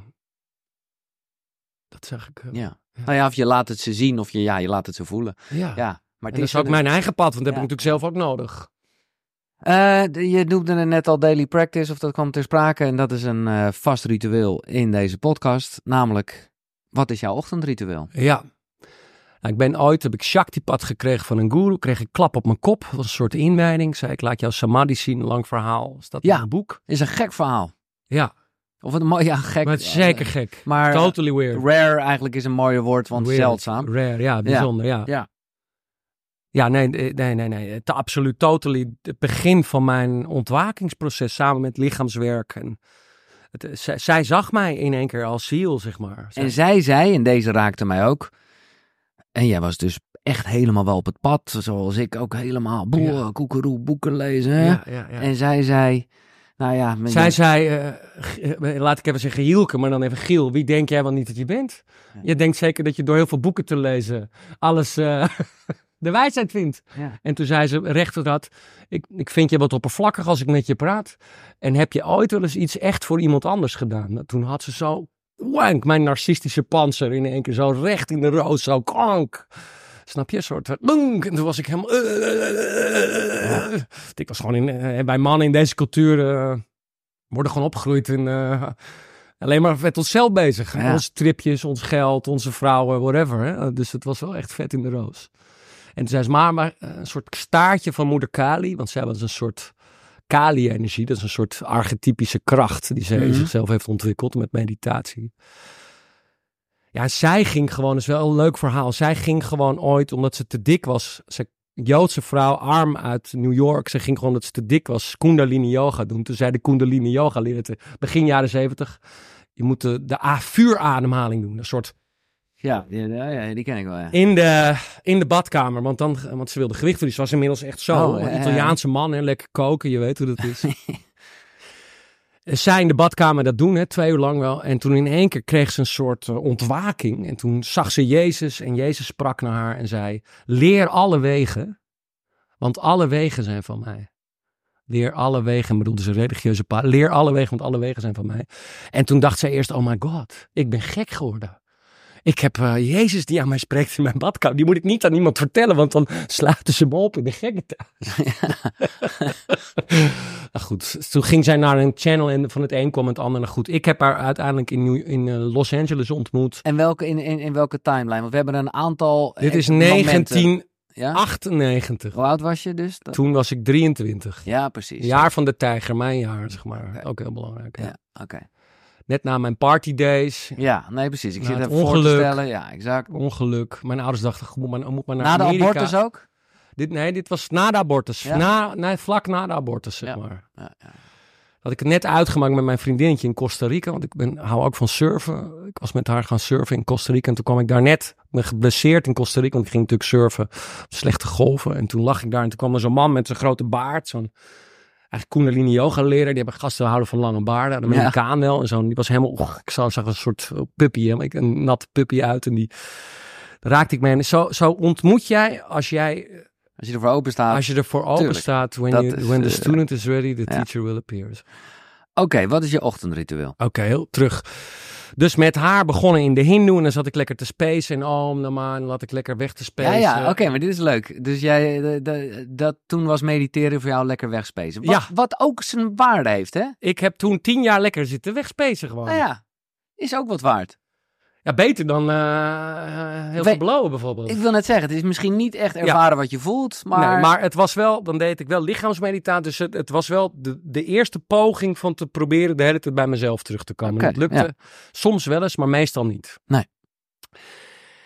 Maar de laatste jaren ben ik op een Tibetaans-boeddhistisch pad terechtgekomen.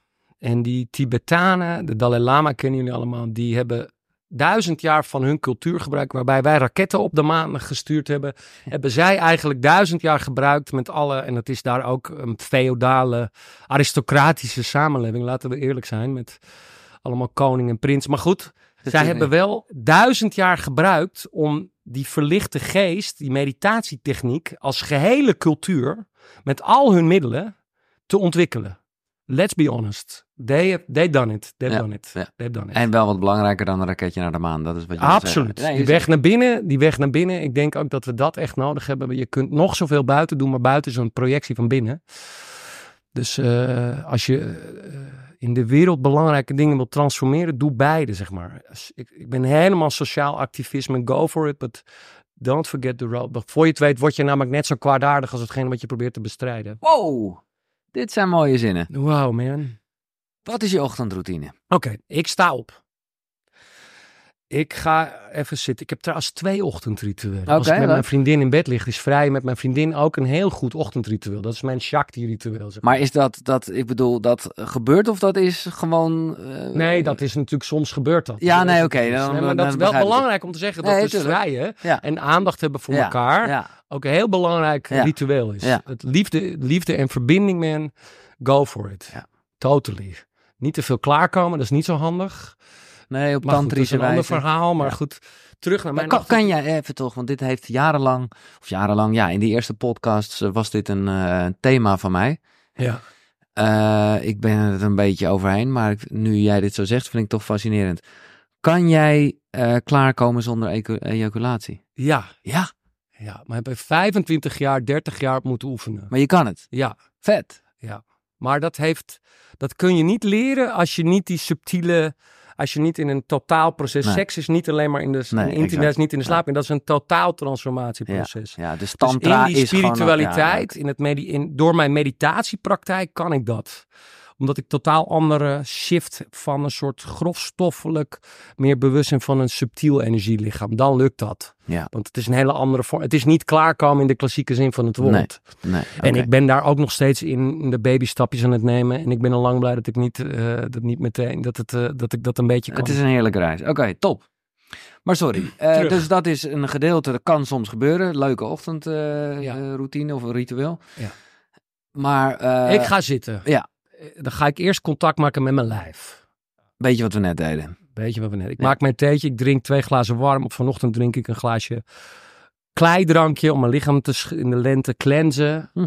Dus ik cleanse mijn lichaam. Dus zoals nu in de lente ga ik schoonmaken. En dan drink ik twee glazen warm water. Neem ik pak een dingetje groene thee. En dan ga ik zitten. En dan ga ik eerst mijn lichaam voelen. De zeven chakras.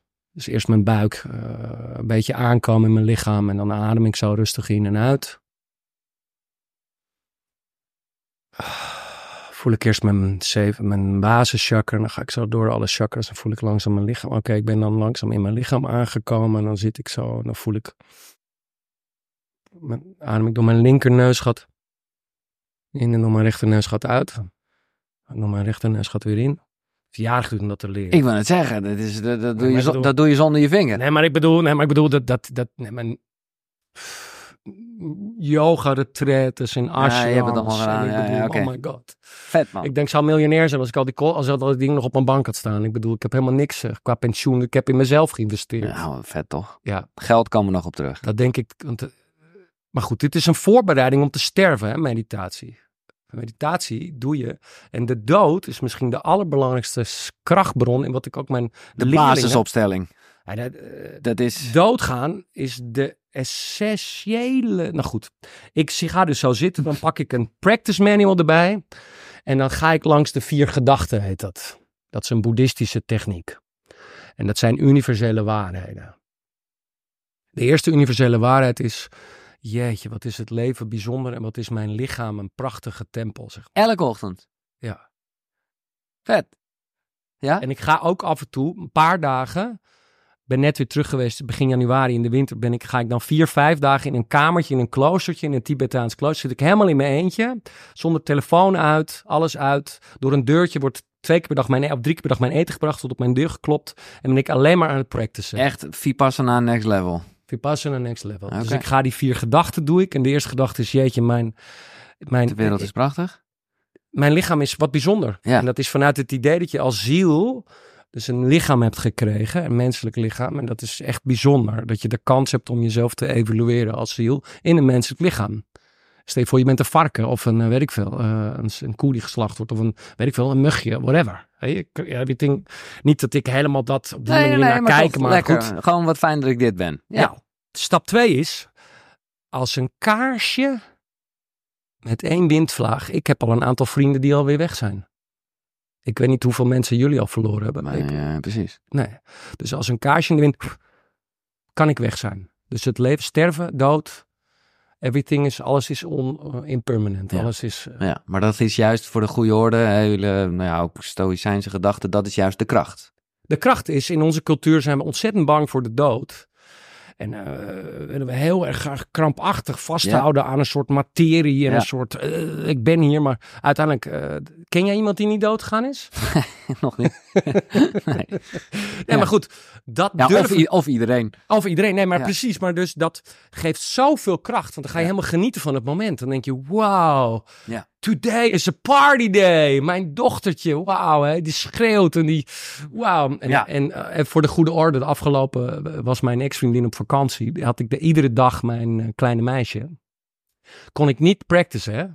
Dus eh, je bent, je, je, je, Vanochtend, eh, want ik had haar gisteren teruggebracht. Ja. Vanochtend kon ik weer practicen. Oké. Vanochtend kon ik weer practicen. Stap drie, de dood komen we nog wel op terug. Ja, stap drie is eigenlijk de oorzaak en gevolg. Systemisch werk. Ja. Dat alles heeft een oorzaak en een gevolg. Wat jij nu doet, heeft effect. Dus dat, dat je gewoon beslist van jeetje, ik ga gewoon goede dingen doen. Want dat is gewoon fijn. Er komen dingen ook weer op mijn pad. Ik wil gewoon mensen helpen en in mijn hart zitten. Stap vier is, jeetje, alles is... Ik kan nooit in deze wereld geluk eh, bereiken.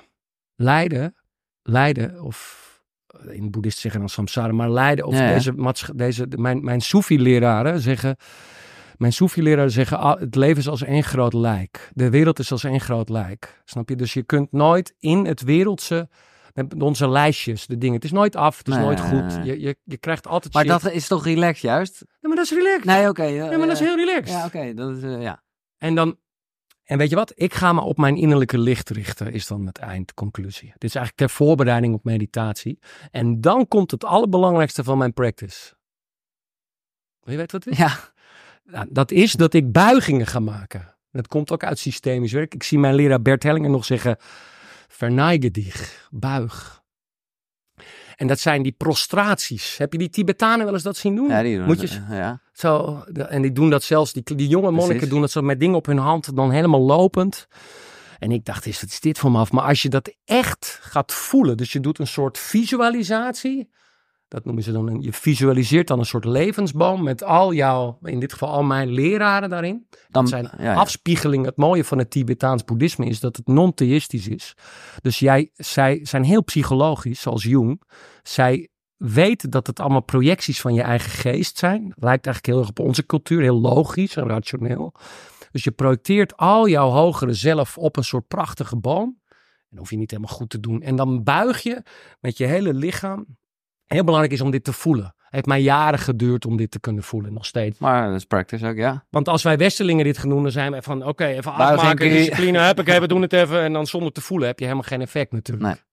Als je, maar als je dit echt met je hart doet, en het- soms heb ik dan weerstand, en dan als ik op retraite ben, denk ik, en dan is dat zielige medelijden, lieve jongetje die ligt op de bank wel zitten en een beetje eh, chips eten, je kent wel. En dan moet ik weer opstaan, dan moet ik weer die buiging maken, en dan heb ik een soort weerstand. Dat, dat ikje dat de hele tijd weet dat je iets goeds moet doen, maar die toch niet de hele tijd die goede dingen doet. En dan toch weer die, ja, die, die, die, dat, dat, dat, dat krengetje, zeg maar, van Tuurlijk. binnen. Dat krengetje, zeg maar. Nou goed, toch doe je het dan. Gewoon. Dan neem je het kringetje bij en zeg je nu even niet zeuren. En dan, en dan, oh, dan op een gegeven moment moet ik huilen, jongen. Want dan voel ik, jeetje, ik, ik heb mijn moeder gemist. Ik heb, ben niet gezien en ik, ik rijk uit. Dus ik, ik gooi mezelf dan op de grond naar die boom. Ik rijk helemaal uit. Als een soort, als een soort bewegende meditatie. Waarmee ik ook tegelijk koortraining doe. Ik wil het zeggen, het is de child's pose. eh, Nee, dus je doet ook een soort, je gooit je voorover de core training. ja. Dus het is een soort child, het is een soort yoga Ja, en, visa- en meditatie in één. Een soort beweging en uitreiken naar het leven. Want ik heb de neiging om een soort Nee, terug te trekken. Een soort van, "Uh, ik mag hier niet zijn, ik ben hier niet. En ik verstop me in mijn hoofd. En eh, nou, dat had echt effect. Daarmee kon mijn enorme ego die ik soms heb. Wat een soort schild is natuurlijk. Ja. Waar allemaal pijn en emoties onder zitten. Kon een beetje openbreken. En dit is weer geen quick fix. Nee. De Tibetanen zeggen je moet er 111.000 doen. Nou, ik ben pas op 20.000 denk ik. Maar dan ben ik al heel trots. Dat gaat al heel eh, veel werk. ja. Ik bedoel. Oké, en dan nog iets?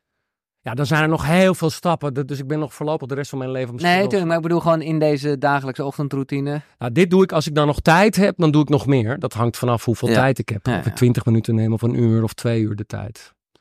En als ik geen tijd heb met mijn dochtertje, dan loop ik langs mijn kussen en dan kijk ik even en dan doe ik even heel snel zo. Ja, ja, ja. Dus dan Dat is de mini-versie waarbij je wel de degelijk dat even aanstipt. inmiddels is door al die jaren die doen, is de mindset is een onderdeel, vast onderdeel geworden van mijn dagelijkse mindset. zeg. Ja. Oké, laten we even gaan, want het is nog helemaal niet echt ter sprake gekomen naar het nieuwe opstellen. Ja, Ja, ik vind het best wel. eh, ik vind het nogal wat. Omdat jij. Nou ja, jij zegt Bert Hellinger heeft, is hier zelf mee gekomen. ja. Legt het. De, ja, oké, laat ik de vraag eh, zo open mogelijk stellen. Legt het een bom onder het oude? Wat ik dan maar nu even het oude opstellen noem? Ehm, dat is wel soms wat er gebeurt. Dat is soms wel, maar dat is, ik denk dat als jij het oude opstellen op een hele zuivere manier toepast, dat ik zeg, dus het gebruik van zinnetjes en sturing en al die dingen, dan is dat ook, kan het ook heel veel mooie dingen bij mensen doen. Laat ik even dat voorop stellen. Dus andere scholen waar ze meer nog vanuit die oude lijn komen, eh, als je dat goed doet, dan is dat heel mooi werk. Bij mensen heel veel profijt van. Laat ik dat even voorop stellen. Maar daarnaast, eh, Bert Hellinger heeft een hele mooie YouTube-video gemaakt. Das alte Familienstellen is voorbij. Echt? Ja. Oh, die heeft het zelf, zijn eigen werk heeft hij eh, Ja. een gedeelte. Nou goed, hij ontdekt ook, hij is ook work in progress, pantarij, alles stroomt. Hij wa- was zich heel erg terdege van bewust dat alles verder stroomt. Mhm. Onder invloed van zijn nieuwe vrouw, Sophie. Ja, die gaf hem toch ook wat meer spiritualiteit, gevoel. of hoe je Ja, in, het begin was hij heel erg, ja, toch wel rigide. Was een Duitse priester. En was dat katholieke eigenlijk nog het fixen. Ja. Ik weet nog dat ik hem meemaakte in Londen. Dat is trouwens een van de boeken die ik had eh, meegenomen voor je. Maar Was, dat gaan we eh, nog De doen, ja. kunst van het helpen. Ja. Ik was bij hem in Londen in die tijd, in, eh, ik weet niet wanneer dat was, ergens 2003, 2004, 2005, zoiets. Maar goed, de kunst van het helpen. Toen zei Bert Hellinger nog van, jeetje, ik ben zo moe. Ik ben net twee weken ziek geweest en ik realiseer me dat ik stiekem toch nog het lot van mijn cliënten op mijn schouders neem. Hmm. Ik wil ze stiekem toch nog fixen. Ja. Nou, de essentie van en, en, en in dat fixen. En, en je moet je voorstellen, er zijn eigenlijk twee momenten in mijn leven geweest dat ik me werkelijk door het oude opstellen heb geretraumatiseerd gevoeld. Dat heeft mij echt geïnspireerd om zo'n boek te schrijven. Want een, ik zou je vertellen, een boek schrijven kost heel veel tijd en geld en gedoetjes en editors. En het is echt een, een Is niet leuk. nee, het is gewoon echt heel, heel, heel veel werk gewoon. Ja. Dus ik ben niet een typische, ik ben Nee. een prater, ik vind mensen leuk. En, maar goed, er was één moment in 1999 dat ik zelf nog bij Peter in Otterline, Dat was een soort eerste groep rondom Bert Hellinger. Zat ik nog in een opleidingsgroep. Ik zat ook nog in een lichaamsgerichte psychotherapie opleidingsgroep in Duitsland. Ik was altijd de jongste. En toen, in die tijd hadden ze nog het klassieke, echt het klassieke familie. Dat zie je bijna niet meer. Dus in die zin is iedereen tegenwoordig. Heel veel mensen zijn al hierdoor in Nederland beïnvloed. Door het nieuwe opstellen. Door het nieuwe opstellen, ja. Dat is al helemaal doorgecijpeld. Uh, ook bij het Hellinger Instituut, waar ze natuurlijk dicht bij Bert Hellinger zijn, gebruiken ze ook het nieuw opstellen. Dus zo zijn er veel meer scholen. De essentie van het oude opstellen was dat toen op dat moment stond mijn vader aan één kant in de hoek. Is weer leuk, komt een ander deel van het verhaal. Ja, hier kom je waar je mee begon met je ja. Chileense... Uh, ja, ja, ja, ja, Goed, helemaal, bij, helemaal erbij. Ja, ja. Oké, okay, dus. Dus mijn vader stond in de ene kant van de hoek en uh, mijn maar ik stond in de andere, representant van mij stond in een ander deel van de hoek. En in die tijd, dat was de vroege jaren 1999, 2000, had je nog echt het klassieke opstellen. Dat de opsteller als het ware, toen mocht je nog niet zelf wat we noemen de beweging van de ziel. Nee, dus die zei buig een beetje. Buig, of, ga, of doe dit, of ja, kom dat, of ga tegenover elkaar staan en zeg dit en doe dat. En uh, toen mocht je helemaal nog niet bewegen. Dat is klassiek, klassiek. Ja. Daarom zeg ik, het nieuwe opstelling heeft al heel veel mensen beïnvloed. En toen voelde ik, wauw, dit klopt. Er is in het midden een grote leegte. Mijn vader staat in de ene hoek en ik sta in de andere hoek. En wauw, dit is precies hoe het is van binnen. Ik voel dit. Ik voel het. Maar die opstellers, want die zijn, waren fixers, ja. help, dat zijn van die, die ja. hebben dan in hun kindtijd uh, paniek en emoties al bij ouders thuis. Want waarom word je nou coach? Omdat ja. je toch iets wilt redden. Dat, we willen allemaal, wij zijn ook allemaal de gewonde helers. Dus de opstellers in paniek, oh, dit is niet goed, dit voelt nog niet goed. Hè? Terwijl het eigenlijk perfect was. pakte die representant van mij en mijn vader naar het midden. En moest ik allemaal zinnetjes zeggen. Jij bent mijn vader en ik ben jouw zoon. Maar toen was eigenlijk de magie, de spel van het echte systemische veld was verbroken. En jij voelde, dit klopt niet. Dit klopt niet. Toen zat ik zelf nog in de opleidingsgroep in 1999. En je bleek gelijk te hebben dus. En later, vele jaren later, langzaam ontwikkelt zich dat verder. Uh, ook die, in die tijd deed ik ook een opstelling bij Bert Hellinger over mijn abortus. En toen was er heel stellig, want dat had Bert een keer gezegd, dat is moord. Abortus is moord. Maar daarmee verwar je eigenlijk een juridische paradigma, dimensie, met een systemische dimensie. Dus het uithalen van de juridische dimensie, van je schuld mm -hmm. en, en ja, oordelen. Het dualistische. dualistische verhaal. Ja, ja. En daar kwam ik dus met één probleem binnen. En toen ging ik eigenlijk met meer problemen. Was ik echt door geretraumatiseerd. Voelde ik me nog schuldiger eigenlijk na het werk.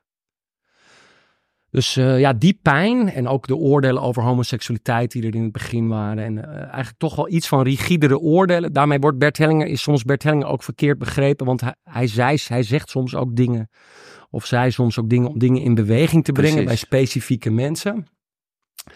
Maar goed, Uiteindelijk uh, is dus het nieuwe opstellen ontstaan. Want hij... Nou, nog even de clue, vergeet je. Uh, waarom het niet goed voelde met je vader. Oh ja, want... Fijn, fijn, fijn. Ik heb zoveel, het is zoveel ja, te vertellen. Ja. Mijn zus, mijn vader bleek nog een kind te hebben. Mijn vader, ik,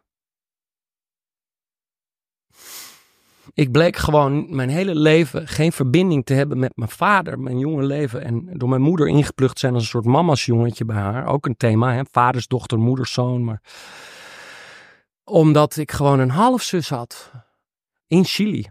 Dus wij kregen begin 2003 kregen wij een brief. Mijn ouders kregen een brief die in gebrekkig Nederlands uit het Spaans was vertaald. Door iemand. Over iemand die haar genetische achtergrond zoekt, zocht. Want ze had drie dingen. De naam, uh, de naam Bonnema, geloof ik. Ja. Uh, Friesland. En uh, mijn vader had op de Hogere Hotelschool in Den Haag gestudeerd. Oké, okay, dat laatste was misschien wel de beste aanwijzing. Ja, en hij liep stage in Londen in 19, de summer of 1969. En daar had hij dan een one-night stand gehad. En dat bleek allemaal gewoon waar te zijn. En mijn, mijn halfzus was in Canada opgegroeid. Gedeeltelijk in Mexico, want haar vader was ingenieur. Was geadopteerd. En was na haar studie gaan reizen. Was in Patagonië over oplezen. Is verliefd geworden op de gids in de kano. En was toen in Pucón in Chili gaan wonen. Dus ik was als eerste van mijn familie, als oudste, ging ik met het vliegtuig. Ik was toen net van plan om naar India te gaan en uh, allemaal andere avonturen. Maar ik ging toen net En uh, was zo bijzonder om mijn, mijn ja, ik, ik voelde dus mijn hele leven eigenlijk al dat, ik een, dat daar iets tussen mij en mijn vader in stond. En toen mijn halfzus mailde, kon ik echt mijn vader gaan knuffelen. En voelde ik in één keer de verbinding met mijn vader. Toen ben ik ook verliefd geworden op een Chileense vrouw. Op dat moment toen kon het vaderschap zich in mij ontwaken, zeg maar. Want ik had verbinding met mijn vader. En in die verbinding kon ik ook in één keer vader voelen. Dus werd ik verliefd op een Chileense vrouw. Heb ik twee kinderen mee. Helaas weer van gescheiden. Want relaties met mensen uit andere culturen, dat is echt heel moeilijk. Sowieso moeilijke relaties. dat precies. Oké, zo en zo begonnen wij, voor de mensen die er nog bij zijn, uh, het gesprek. Ja. Het team we opstellen. Um, want ik, ik eh, de, de essentie is hetzelfde, is namelijk het systeem. Ja.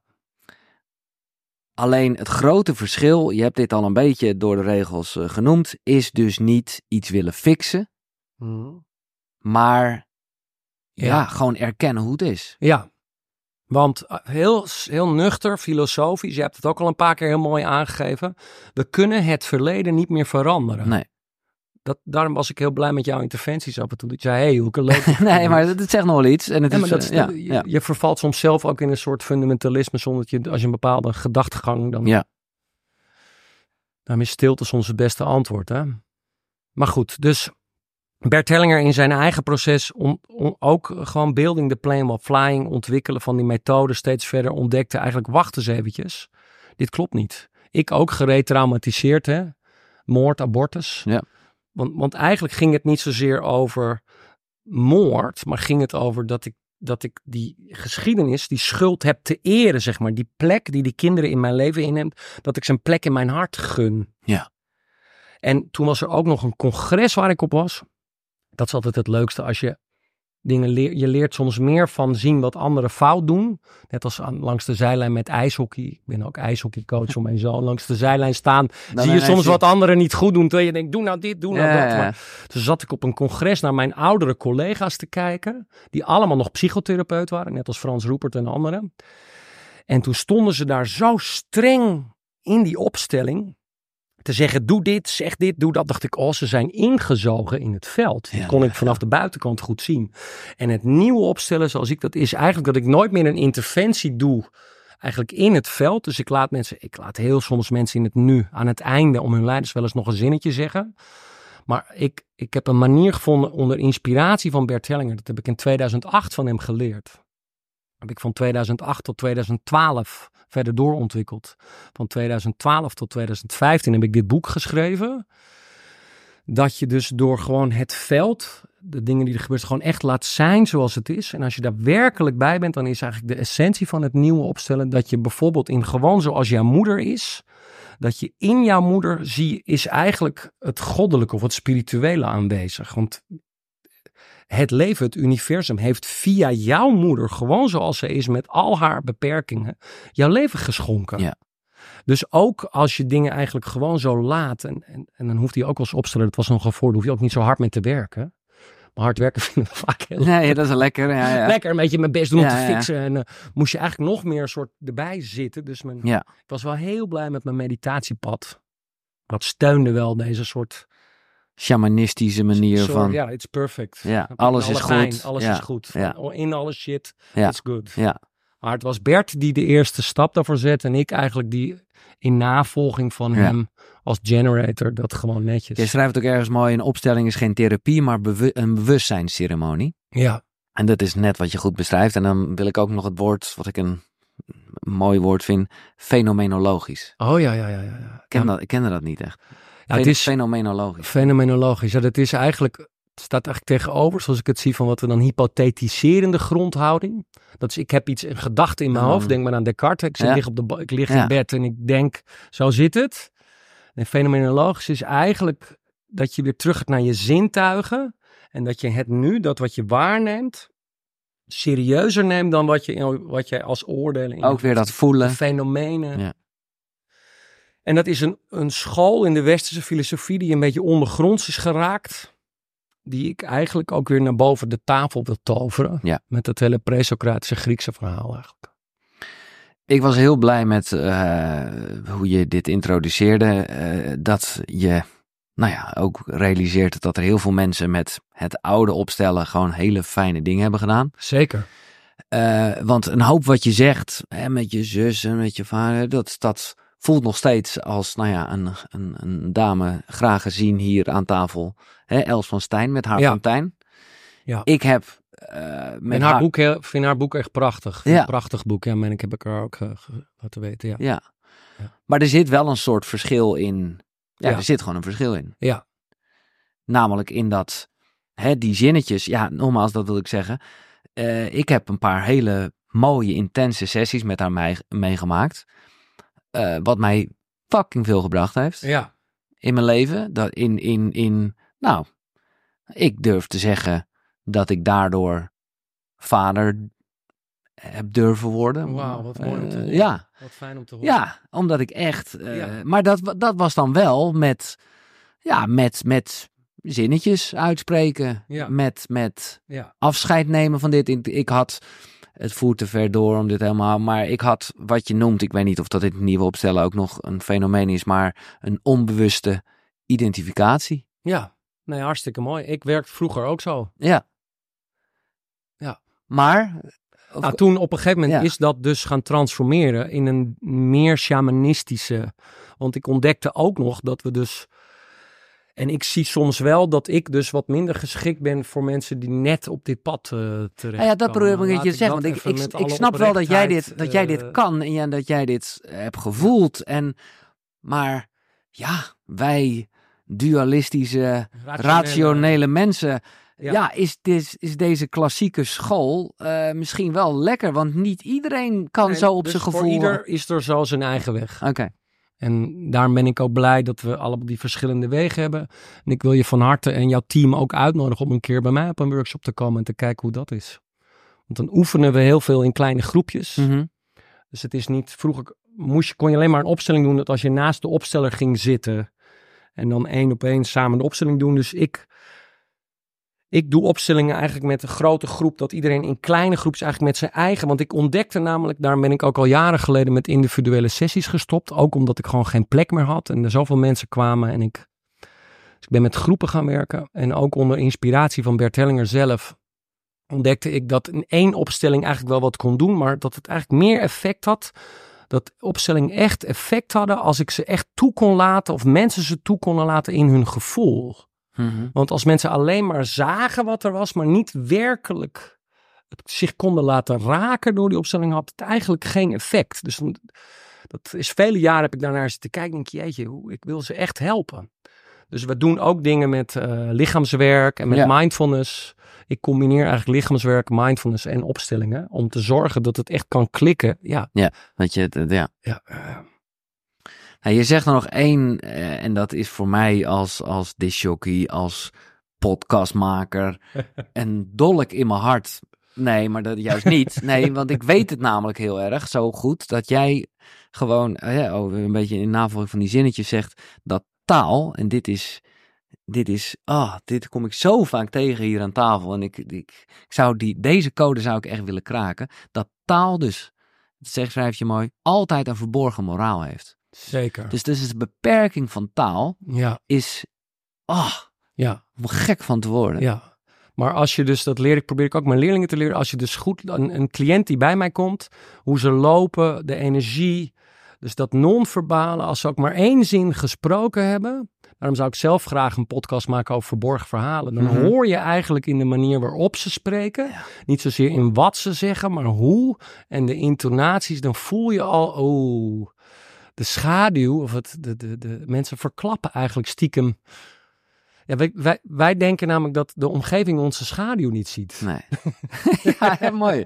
Wij denken allemaal, we lopen rond en terwijl iedereen ziet van een ander. Oh, oh Ja. wij zien allemaal Ja. elkaar schaduw. Nou, als je het echt licht. ziet, je voelt het in ieder je geval. voelt het. Ja, je ziet het. Je voelt, Ja, je, je, je, je, je-. En taal heeft een beperking en ook een kracht. Ja. Het is ook magic. Het is ook een spel. Dus ik, ik, ja, ik ben wel veel meer van gedichten en zingen en mantra's en dans gaan houden. Dus Ja. ik, ik vind wel het...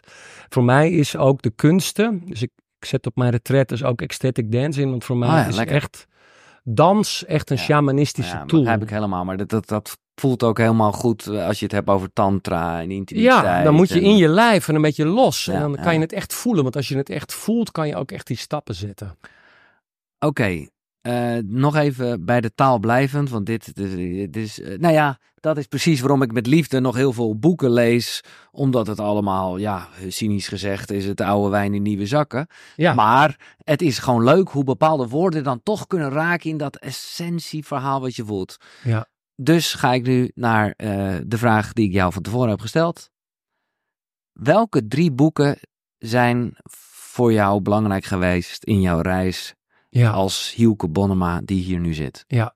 Ik wil eerst nog even eh, toch iets verklappen. Dat ook al ben ik van het nieuwe opstellen van ook niet, ben ik toch ook iemand die heel graag van verhalen vertellen en van praten, net als jij. En ben ik Ja. ook, is, is, Tuurlijk, is het ding is Ja, ja, ja. minder. De paradox is altijd, eh, is waar. Ja. is ook waar. Even dat eh, terzijde, maar ik heb daar, ik had wel tien boeken zoals ik zei, want ik hou ook van lezen. Ik ben eigenlijk ook stiekem een beetje een nerd.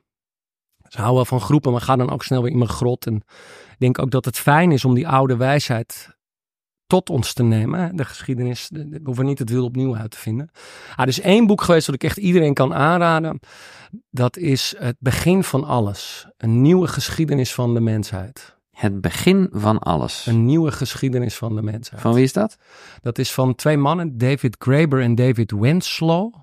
David Graeber, dat zijn. Een van hun was professor of archaeology, professor van de archeologie. En die ander was professor van de antropologie, London School of Economics. En dit is een, een, een majestueus mammoetwerk. Geweldig. Iedere, als het leest als een detective roman. Echt Hoe het leven El ontstaan is. capo Of- of- di of- tutti capi. Nee, het, het laat zien dat die hele westerse dualistische renaissance mind fuck eigenlijk van human lock en waar we in terecht gekomen zijn, dat dat allemaal één grote politieke propagandamachine is. Dat de staat zeg maar het recht heeft op een geweldsmonopolie. Het idee dat samenlevingen als ze groeien, dat ze dan zo complex worden dat je dan een elite nodig hebt om hun dat te controleren en dat ongelijkheid een natuurlijk aspect is in menselijk om zij laten dat allemaal wetenschappelijk.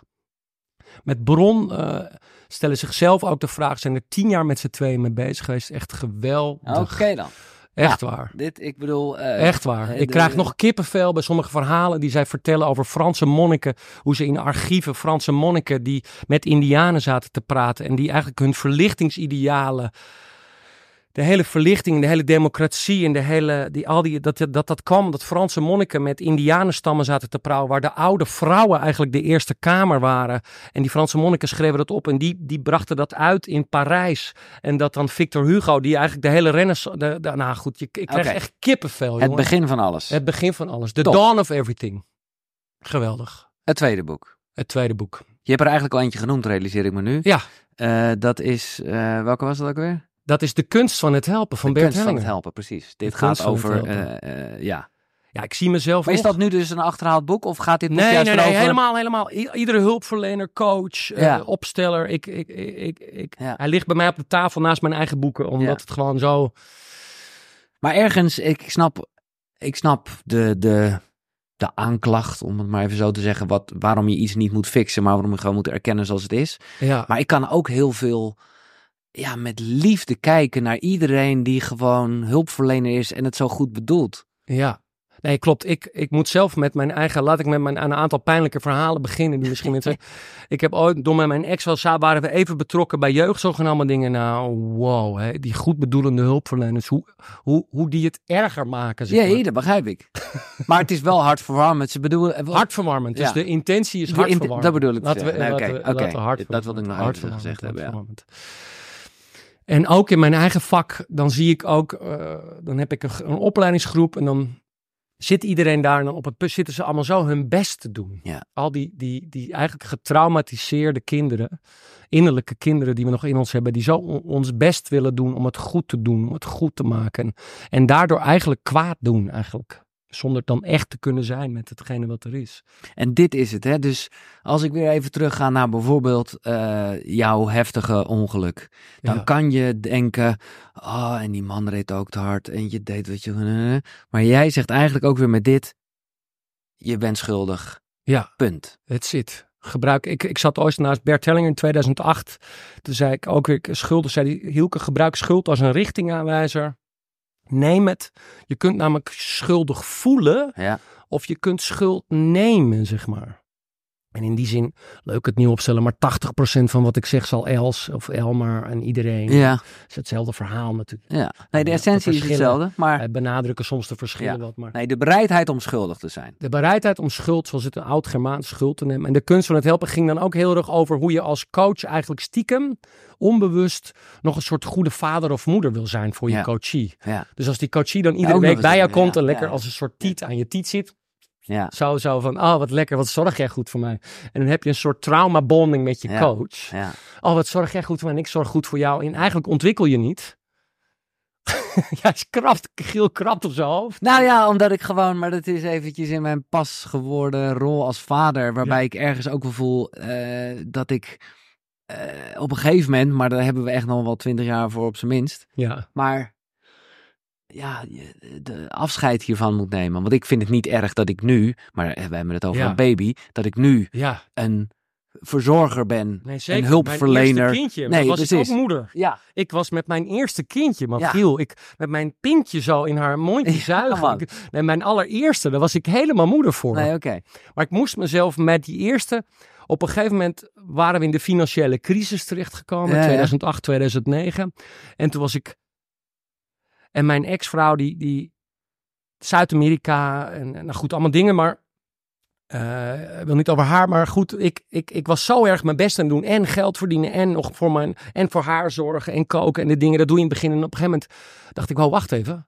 Ik, ik moet ook nu voor het geld zorgen, zeg Ja. maar, als man. zeg Nee, maar. precies. Ja, ja. Wacht even. eh, Ja. Wacht even, ik, ik, ik ben ook hier man, zeg maar. En ik heb geen borsten, zeg maar. Nee. Lekker. I'm the provider. Ja, oké dan. Ja, Nee, ik, dit eh, is- dus ik ik, zei tegen haar, luister schat, ehm, ik ga nu s'avonds, ik eh, dreig failliet te gaan, omdat de 80% van mijn inkomen weg is. Ik ga nu s'avonds even mijn nieuwe, ik ga knallen. Ik ga familieopstellingen.nl, ik ga mijn academie nog meer vormgeven. En je flikte het. Want 80% van mijn omzet was in één keer weg. Ja. Want die bedrijfsleven was weg. En toen, Toen kwam dat ik niet. ga weer, nog even gewoon eh, knallen. Oké, ik ga nog even plassen. Ja, heel goed. Het derde boek. Ja. Het derde boek. Nou, ik, ik had wel tien boeken. Ik moest heel moeilijk kiezen. Ik ben heel benieuwd welke het geworden is. Oké, nou, ik heb uiteindelijk gekozen van de boeken van meneer die heet Peter Kingsley. Oh. Peter Kingsley. En die heeft een hele belangrijke rol gespeeld. Hij heeft een aantal boeken geschreven. Reality en eh, een story ready to Ja, dit is leuk. Ik onderbreek even het gesprek, maar eh, alle boeken die je net gehoord hebt, die zijn terug te vinden natuurlijk op de site koekeroe.nl slash boekenkast.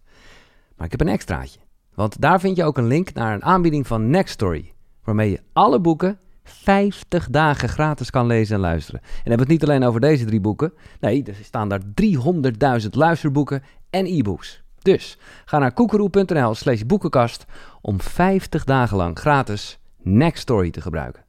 Top toch? Thanks. Ze zijn niet in het Nederlands vertaald. Want wat Peter Kingsley heeft gedaan, die heeft eigenlijk mij helemaal bewust gemaakt van hoe eigenlijk de pre-Socratische Grieken, waar dus eigenlijk die dualistische eh, mindfuck eh, begonnen is. En dat is begonnen, want Plato, Socrates en Aristoteles. Dit is waar jouw nieuwe boek over gaat, hè? Dit is waar mijn nieuwe boek over gaat. Begint daar, maar het gaat ook over Ja. verborgen verhalen uit de geschiedenis. Eh, het is eigenlijk een combinatie van de dingen en nog een ander boek, maar goed. Ja. Die Peter Kingsley heeft mij heel erg geraakt, want als je zijn boeken leest, dan voel je dat er een soort levende kracht in zit. Het is een soort transmissie. Het is niet alleen maar intellectueel. Je denkt van wow, shit, can- eh, ik voel het. Dus hij is ooit, eh, hij heeft ooit eh pre-Socratische Griekse filosofie gestudeerd. Hij was ook zo'n gast uit Engeland die als jongen van 17 dan de, de nachtbus nam en dan in zijn eentje onder Stonehenge onder de stonen ging zitten. Die ook op zijn 21ste voelde van nou, ik moet in de auto stappen, ik weet niet waar naartoe. Hij had ooit wel eens een documentaire gezien over Jung en waar hij woonde met een vriendinnetje op de bank. Hij voelde ik moet in de auto stappen en ik ga gewoon rijden. Met de boot toen nog. Ga gewoon rijden en op een gegeven moment voelt hij nu moet ik van de weg af. Zonder, geen plan hè. 100% intuïtie. Hij rijdt zo een klein weggetje en een weggetje en hij komt gewoon precies uit. Stapt uit, stapt het auto in het donker, strompelt tegen een steen aan. Het is gewoon de steen die Carl Jung in zijn huisje bij het meertje heeft gezet. heeft ook een prachtig boek geschreven over het werk van Carl Jung. Nou, ik ben helemaal door hem weer Hmm. helemaal Jung kunnen voelen, zeg maar. Wat hij eigenlijk bedoelde. Veel meer spiritueler dan, die, Hij is, dan mensen ja, hij is een profeet. ja, ja. Oprecht. Een profeet zelf. Ja, een profeet. Dat zijn Mooi. van die woorden, die mag je in onze huidige Nee, tijd niet eens meer, want dan word je een soort... Nee, Ja, maar. Pieter Kings die schrijft ook over iemand die ook een profeet was, die in Amerika gewoon opgepakt wordt en in een gekkentehuis wordt gestopt. Dus Stel dat Jezus eh, hier zou komen tegenwoordig en naakt... eh, nou goed, het, ik, ik word er ook een beetje... Nee, eh, ik voel- Maar goed, Pieter. Kingsley heeft dus... Zet eigenlijk... Lang verhaal. Ik heb door DNA-onderzoek ontdekt dat ik eigenlijk de nazi's Joods waren. Dat was Mhm. een hele belangrijke stap nog geweest de afgelopen jaren in mijn eigen onderzoek. Dat ik mijn Joodse lijn heb kunnen voelen. Want ik dacht altijd, waarom ben ik zo'n chaggerende, intellectuele, spirituele, gevoelige jongen? Waar komt dat? Waar, Ja. Ik dacht altijd, dat komt... Ik dacht eerst, ik mag niet mezelf zijn, want ik ben NSB'er en al die dingen. Nee, maar het was eigenlijk het Joodse. Dat was nog meer Nog een laag daaronder, ja. ja, Nog ja. een laag eronder, zeg maar. En mijn vaderlijn bleek een Keltische mannenlijn te zijn. Dus die druides en die presocratische Grieken hadden een soortzelfde wereldbeeld. Zuid-Italië. Ik ben toevallig afgelopen oktober daar geweest, waar die Parmenides leefde en die Empedocles. En die Soefi-lineages komen eigenlijk ook weer van deze mannen vandaan. De essentie is eigenlijk dat deze mannen zijn eigenlijk het fundament van de westerse samenleving. Zij hebben de wetten van de logica ontwikkeld. Samen met Pythagoras, Parmenides en Empedocles. Plato, Aristoteles en Socrates zijn met hun fundament doorgegaan, hebben alleen dat verkeerd geïnterpreteerd. Want eigenlijk is dat weer heel erg, ja, bijna boeddhistisch. Klopt, Eh, hè? eh, De wet, Klopt. eh, logica, oorzaak, Klopt. gevolg. klopt. Maar in het hele Eurasiatische continent zie je dat er een enorme verbinding was tussen al die... er is ook een oud-Griekse tekst dat Pythagoras, dat is de story waiting to pierce you, dat Pythagoras ontmoet wordt door een Mongoolse sjamaan, door een, een sjamaan uit Mongolië, die hem een soort poerba, een soort speer overhandigt als een soort symbool van richting en een soort, daar was een soort ceremonie, Ja, een spirituele ja. ceremonie. Een samenkomst van twee culturen. Ja, die, dus die, die oude samenkomst tussen Oost en West via de zijderoute is eigenlijk al heel lang zo. Eh, en die Peter Kingsley, die, die, die legt eigenlijk weer het spirituele fundament bloot, het filosofische spirituele fundament bloot van de wetten van de logica en koppelt eigenlijk weer mystieke spiritualiteit aan de ratio en de wetten van de Mm, logica. En legt eigenlijk weer een nieuw fundament voor deze nieuwe tijd die we nu, die weg die we nu te gaan hebben. Want eh, de hele westerse elite, wel gezegd, is opgeleid op het model van wat dan de Engelse kostscholen zijn. Waar Plato, Aristoteles en Socrates het filosofische fundament van zijn.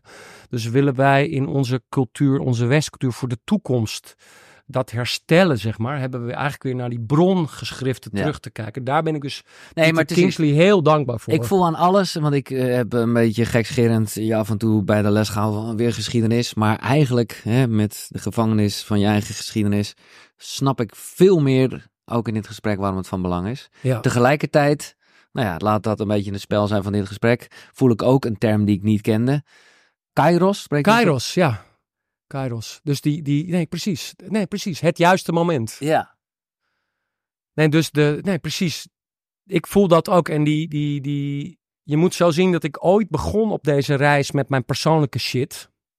En dat ik eh, al 25 jaar ook met mezelf. Dus ik zeg altijd, ik drink een half kopje met jullie mee.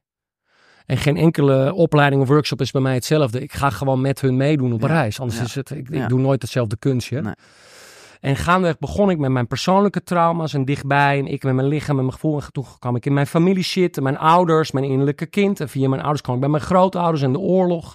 Zo ging ik steeds dieper en dieper in die opstellingen. Ja, maar dat vind ik ook het mooie, wat jij zegt.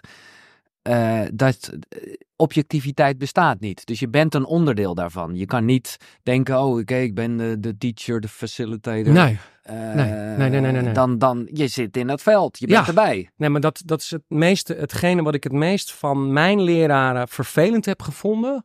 Was dat ze hun eigen persoonlijke shit buiten scope hielden. Ze Wat dus niet, wat kan niet kan. heilige waren. Precies, precies. En wat ik het meest van mijn leerlingen teruggeef, wat ze heel erg waarderen in mij, is dat ik mijn authentieke eigen shit met ik luister, we zijn gelijkwaardig, ik ben jullie met jullie mee op reis. Precies. We gaan samen dit proces aan. Ik leer ook weer van jullie, we gaan samen dit doen. Essentie van systemisch is alles is met alles verbonden. Precies. We're in the shit together. Ik ga wat losse vlodders doen tot besluit. Of Ja. ja. ja. Ja. Want jij noemt al net de term intuïtie. En dit vind ik grappig. Ik heb een soort nieuwe standaard vraag bedacht. En ik ben benieuwd wat jouw antwoord is. Hoe train je intuïtie? Nou, dat is, zoals ik al zei, leren voelen en je intuïtie trainen. Wij zeggen ook wel, wij zijn de meest intuïtieve opleidingsinstituut. We hebben de Academie voor Opstellingen, zo heet mijn school. Wij zijn het meest intuïtieve, wij hebben de meest intuïtieve opleiding van Nederland. Ja. Een beetje eh, chargerend, want er zijn ook heel veel, er zijn misschien ook wel andere. Ja.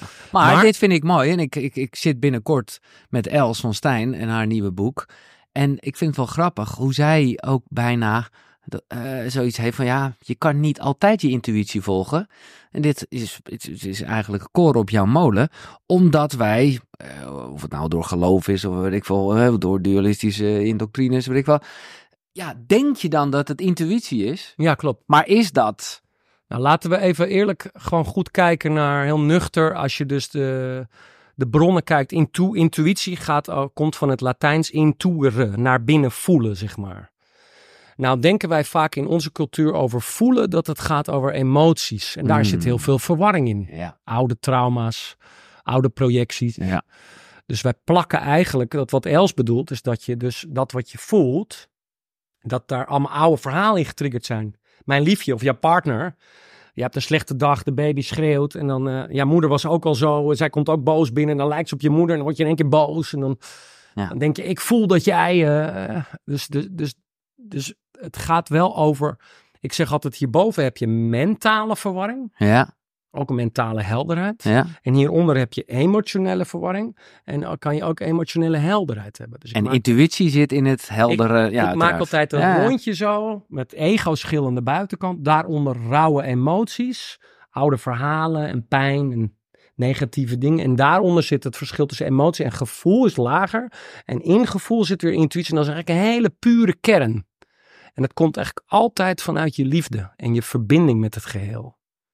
Dus als jij heel veel opruimwerk hebt gedaan en veel oude emoties gezuiverd hebt, eigenlijk door practice, door beoefening, dan kan je wel zo zijn, merk ik zelf, dat je dan steeds helderder er bent. En Mhm. je hebt allemaal oude shit Ja. in je systeem Ja. getransformeerd. Dan Ja. werkt je intuïtie Nou wel ja, of steeds getransformeerd. Getransformeerd. Ik zou eigenlijk willen zeggen, je bent gewoon bewust van die shit. Eh, ja, maar vroeger, Want ik zie zit je, toch, mezelf anders nou- zit je toch weer een beetje in het Klopt, maar ik, en- zit, ik, ik zie mezelf nog. Ik heb al tien of vijftien jaar in relatietherapie gezeten. En Met zowel mijn ex-vrouw als mijn ex-vriendin. En ik zie mezelf nog zitten op een gegeven moment, maar, eh, misschien zeven jaar geleden of zo. En op een gegeven moment in één keer realiseerde ik me. Die zaten met een stel en die zaten met ons zo. En in één keer zeiden zij tegen mij, Hielke, volgens mij ben je zo geschrokken. En in één keer voelde ik zo, shit. Ze hebben gelijk. Ik, ik ben eigenlijk boos op haar. Ja, ja, ja. Ik ben de hele tijd bozig, gefrustreerderig.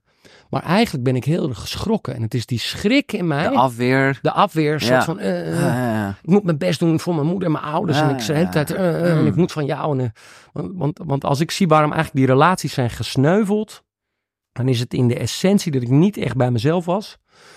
En dat ik ook in de essentie ehm, niet echt dus in verbinding met hun was. Nee. En dat ik aan het pleasen was. Daardoor altijd boos. Goh, dan gaan we dit toch nog even aansnijden.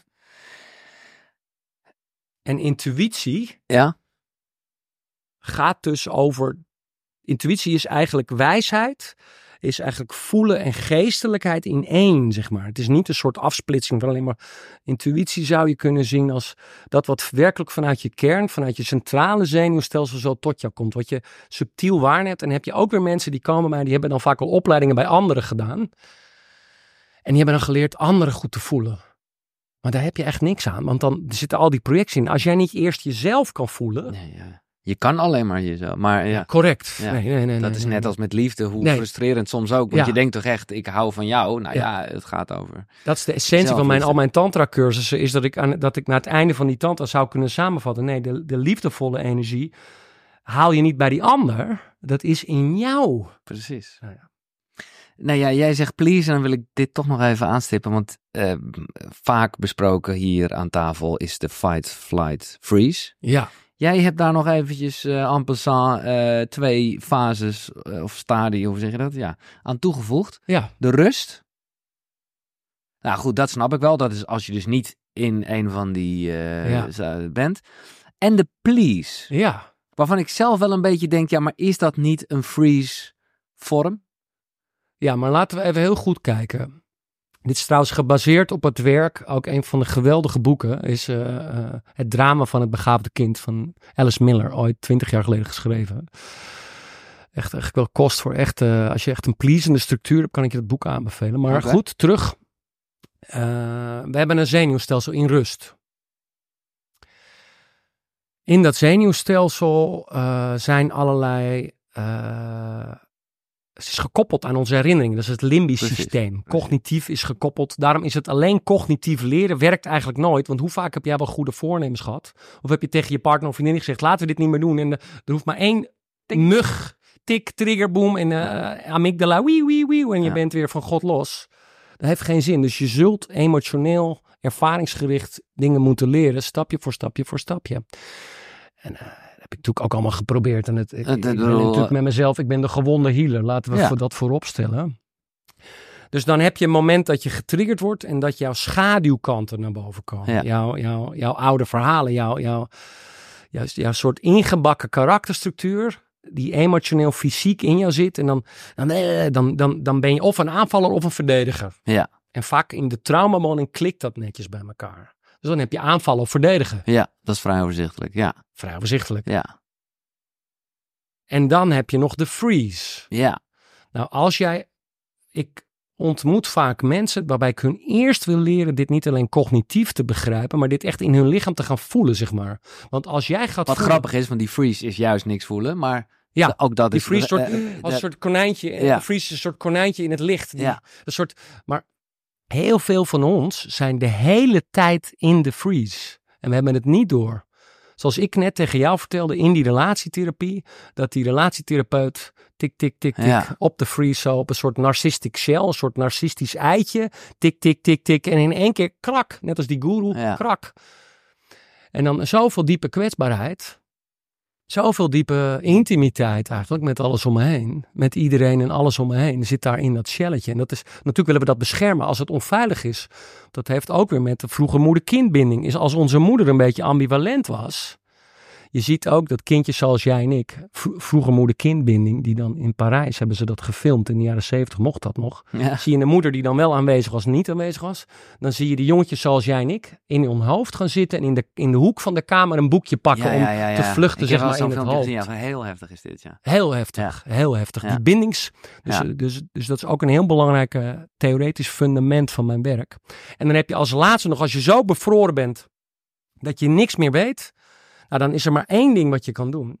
Dat is je helemaal, jezelf helemaal uitzetten, Ja. je eigen hart, je eigen ziel uitzetten, het super verdrietig, en je alleen maar op de ander richten. En dat is dat pleasen. Dat is dat pleasen, want maar dat is dus inderdaad, en niet om me gelijk te halen, maar je zegt het nu ook zo, dat is eigenlijk een onderdeel van het freezen. Ja, maar het is een strategie. Het is een free- strategie, als jij ja. die freeze kunt voelen zonder dat je, in een, dat je er Ja. nog wat mee gaat doen, je kunt Ja. het alleen maar ervaren. Ja, ja, ja. En dan in die enorme pijn van die, dat voelen, zeg maar. En dan daar aan naartoe ademen.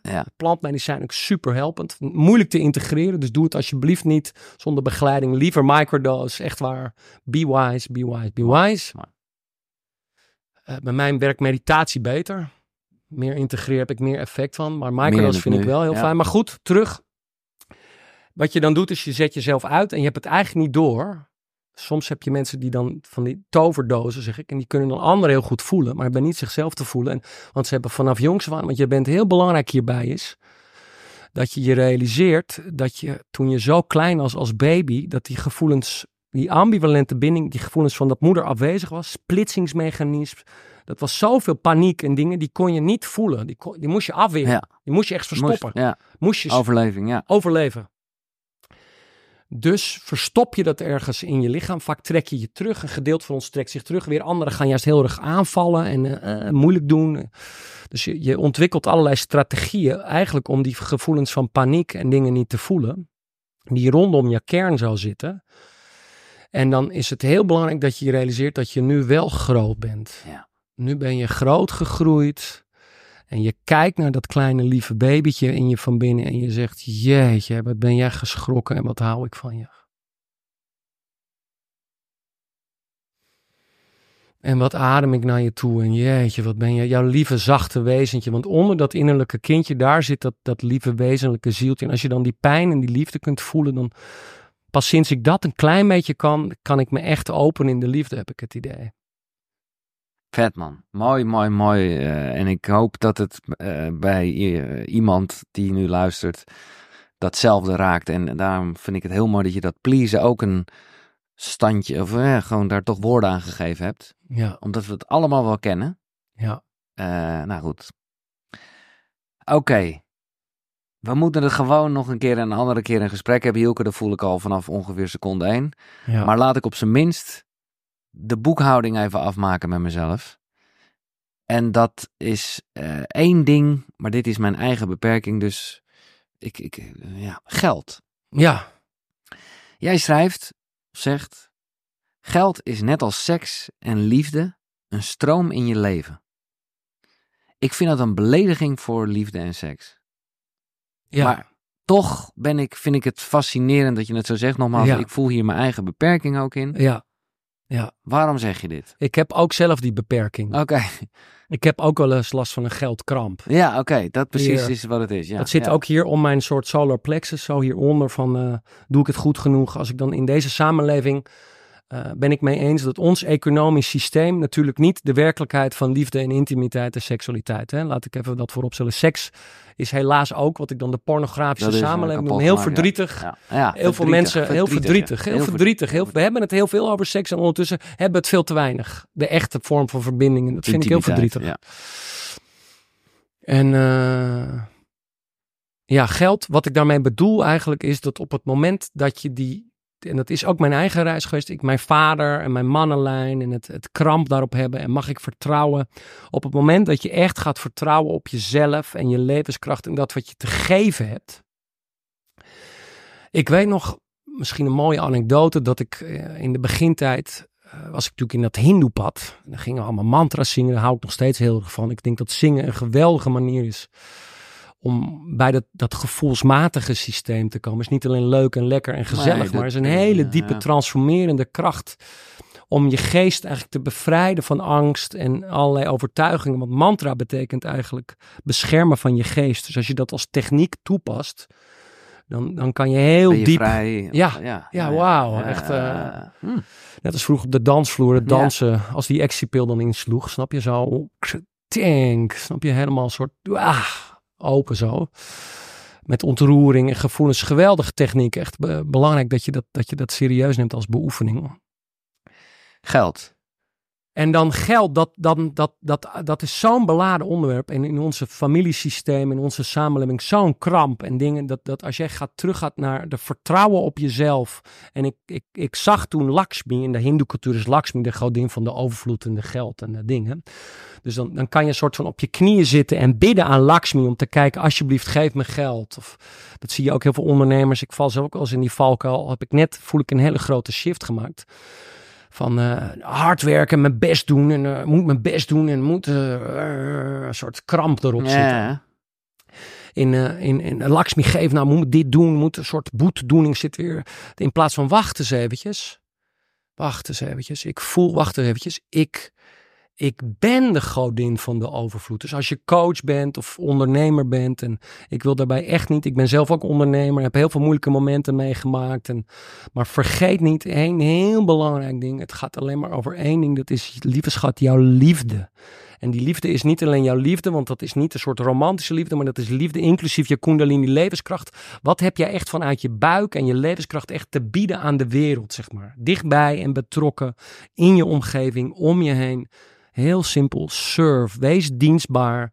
Niet, het, is niet, het is niet pleasen waar ik het over heb. Het Nee. is echt vanuit het, je diepst van je wezen. En daarvoor vind ik Rielke toch echt te gek. Ook eh, Bert Hellinger was echt een fan van Rielke. Staat hier het gedicht in. Ja. Je geld verdienen met je roeping. Eh, dus dat je echt... Dat je echt voelt van... Wat ik altijd een goede vraag vond is van... Stel nou, je hebt 20 miljoen op de bank. Dat zou voor mij wel genoeg zijn. Ik weet niet eh, voor jullie misschien... Nou, of als het te weinig is. Verzin een bedrag dat je denkt van... Nou, nou, nou Ja, ja. That's it. That's it, hè? En dan heb je, eh, die, dan heb je dat mooie huis gekocht. Ja. En je hebt die schoenkast. En je hebt die mooie dingen. Je bent op reis geweest. Je bent op reis geweest. Je bent op schoenkast. Je komt weer thuis. En Ja. iedereen is aan het En werk. dan? En jij zit daar. En dan? Dit is eh, top, hè? En dan? En je zit daar in je huis en dan? En dan wat? Dus je, jij bent helemaal materieel verzadigd en je hebt, je hebt, weet ik veel, feestjes gehad en het uitgegeven en weer op reis. Weer, oh, en, dan, en dan, dan, dan, komt er een moment dat je denkt, wow, en nu wil ik alleen maar lief hebben. Ja. Waar kan ik dienstbaar zijn? Waar kan ik echt, echt vanuit mijn hart, diepste van mijn wezen. En dan is dus geld, levenskracht, seks bedoel ik eigenlijk, seksuele levenskracht Ja. en liefde Ja. Is één. En om dan het ding samen te vatten, dat, dat voelen ook in het, in het soort beminnen, zeg maar. Dus waar, hoe kan je, zeg maar, korte termijn gewin, aandelenmarkt, bitcoins, korte termijn gewin versus hè, klaarkomen, korte termijn gewin, hè, versus lange termijn die energie bij je houden, is eigenlijk dit proces. Dat is tantra eigenlijk in de big sense of Ja, the word. ja, ja, ja, ja, Dat je echt voelt van wauw, wait a minute. Ik kan nu wel in jou klaarkomen als korte termijn pleziertje, maar wait a minute, ik hou gewoon van jou. Dus je, dan, ik voel echt dat ik van jou kan, ik, dat ik echt van jou hou, zeg maar. En, dat ik, Nou, dat is verbinding. Dat is gewoon... eh, Wauw. Dat is, eh, ja. en ik word zacht en ik word geraakt, want dat is helemaal niet zo leuk. Want er komt ook al jouw pijn en die, die pleasende structuur Ja. en die bevriezing en die dingen. Wat is jouw roeping?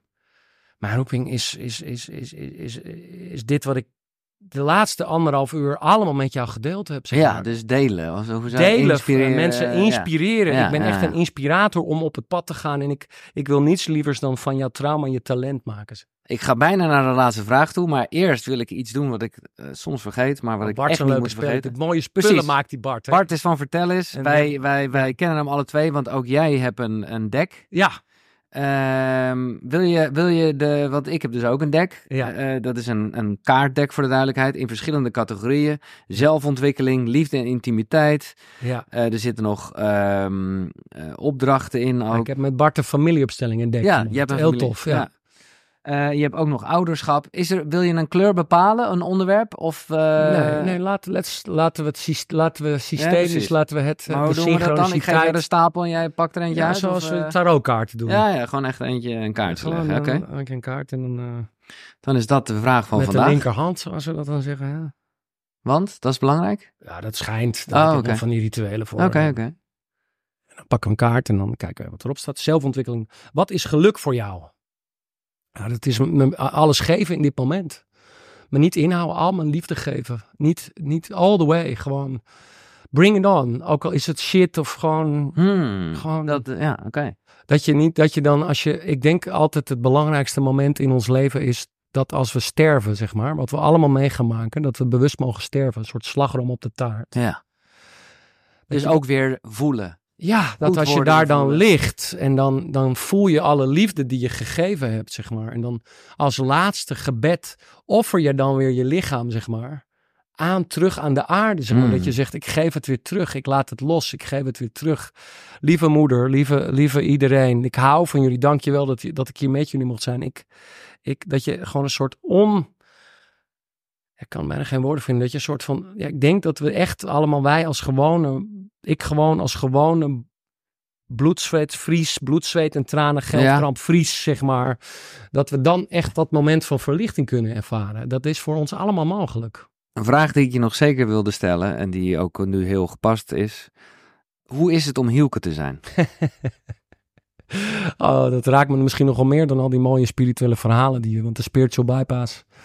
Maar het is, het is, eh, ik ga steeds meer van Hielke houden, zeg maar. Oh. Ik ga steeds meer van Nielke houden. En, ik, en dat is misschien het allermoeilijkste van jezelf houden. En eh, ik ga steeds meer van mezelf houden, zeg maar.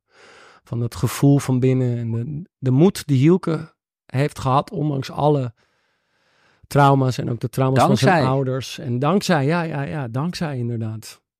Ben je bang voor de dood? Eh, ik denk dat iedereen, dat de eerste stap in het werken met de dood is dat je eerst, eh, ik zie nog mijn Tibetaanse vrienden, die jonge monniken die er allemaal mee bezig zijn, heel erg, want als je heel jong bent, dan ben je er helemaal niet mee bezig. Nu ben ik 49, dus dan komt het midlife een beetje zo. Dan denk je, eh, maar de eerste stap is dat je gewoon onderkent dat er gewoon jouw fysieke lichaam wil overleven. Dat er een soort overlevingsprogrammering, dat je eerst bewust leert voelen dat je bang bent. Ik denk dat dat stap één is. Als ik naar mijn vader kijk, of andere ouderen in onze cultuur, dan zie ik dat ze gewoon, Hebben dat nooit gedaan misschien? ja, of net doen alsof ze niet bang zijn. En ze, Ja, ja, ze en ze- geloven ook nergens meer in. Ja, en het is helemaal weg. En ze, ze, ze, ze, ze parkeren het soort van weg. Terwijl juist daar heel concreet bij stilstaan. Dat het, we oefenen dit ook in al mijn groepen. Want ook als je naar mijn, de filmpjes van mijn leraar Bert Hellinger uh, kijkt, dan zegt hij, en dat zie ik ook in mijn groepen. Het familieopstellingenveld leren voelen en daarmee werken, dat begint met dat je werkelijk de dood als steunbron. Dat iedere shamaan, ja. initia- in, in, iedere initiatie. Dus dat je eerst voelt van, jeetje, ik ben doodsbang eigenlijk. En dan via dat doodsbang voel je, goh, ik- dit is ook, het is ook een soort kali. Dat je een soort van denkt, oh jeetje, waar voel ik eigenlijk die angst? Goh, dat is ook een freeze. Hè? Jeetje, ik ben eigenlijk doodsbang. En dat zit hier, die freeze. En dan adem ik daar naartoe. Hier helpt ook wel diepe plantreizen. Vaak in vet op de ayahuasca is ook echt een soort, eh, eh, ook een soort dood. Doodgaan. Een Ja. soort doodgaan. Ja. En eh, Is het iets wat je regelmatig doet? nou, de laatste jaren, hoe ouder ik word, steeds minder eigenlijk. Ik hou van paddenstoelen, chocolaatjes op zijn tijd en microdose. Wachuma, zeg maar, San Pedro. Ja. Dus eh, ik vind die hele heftige ervaring is meer van 10, 15 jaar geleden. Dat, dat was eigenlijk heel moeilijk om te integreren. Ja. En eh, eigenlijk is meditatie gewoon en erbij blijven en mijn eigen pad. En soms kan in een beetje microdose hier en daar of zo'n sessietje. Het hangt vanaf. Als je heel vast en dicht zit, lijkt, is dat wel handig om eens te doen. Maar ik Ja. zou beginnen met een paddenstoeltje. Als je dat overleeft een paar keer. Ayahuasca is wel heftig. Is wel echt heel intens. Maar hoe zie je dat toch nog even over dat microdosen? Want ergens denk ik dan, maar dat is weer het proces waarin ik zit, van ik zit gewoon, ja, ik hoef niks aan mezelf toe te voegen om meer mezelf te zijn. Dus ergens, als ik mezelf goed wil voelen, in godsnaam geen ruis op de lijn. Helemaal dat. Dus Maar ja, dat is microdosen, is, is, is, is ergens juist wel iets toevoegen aan jezelf. En ja, oh ja, ik weet niet of het ruis op de lijn Nee, is. het is helemaal mijn. eh, waarom ik dus op meditatieretretten Ja. ook helemaal niks. eh, Nee. En in mijn groepen of in mijn dingen. Maar ik merk in mijn dagelijks leven, als ik weinig tijd heb om te mediteren. precies, dan geeft het je als toch- Net als dat ja. ik dat Bob Insana spulletje van jou echt een geweldige chat vind. Heel jammer dat ze dat uit de handen hebben. verboden middeltje, ja. ja, Dat ja. vond ik wel echt een goede. vond ik echt Ja. heel jammer. Want juist die, die Ja. in onze cultuur, laten we eerlijk zijn, wij zijn echt wel een beetje Wij zijn los. uit verbinding, ja. Wij zijn wel een beetje uit verbinding. Dus hier en daar wat Nee, steun en hulpbronnen. wel, ja.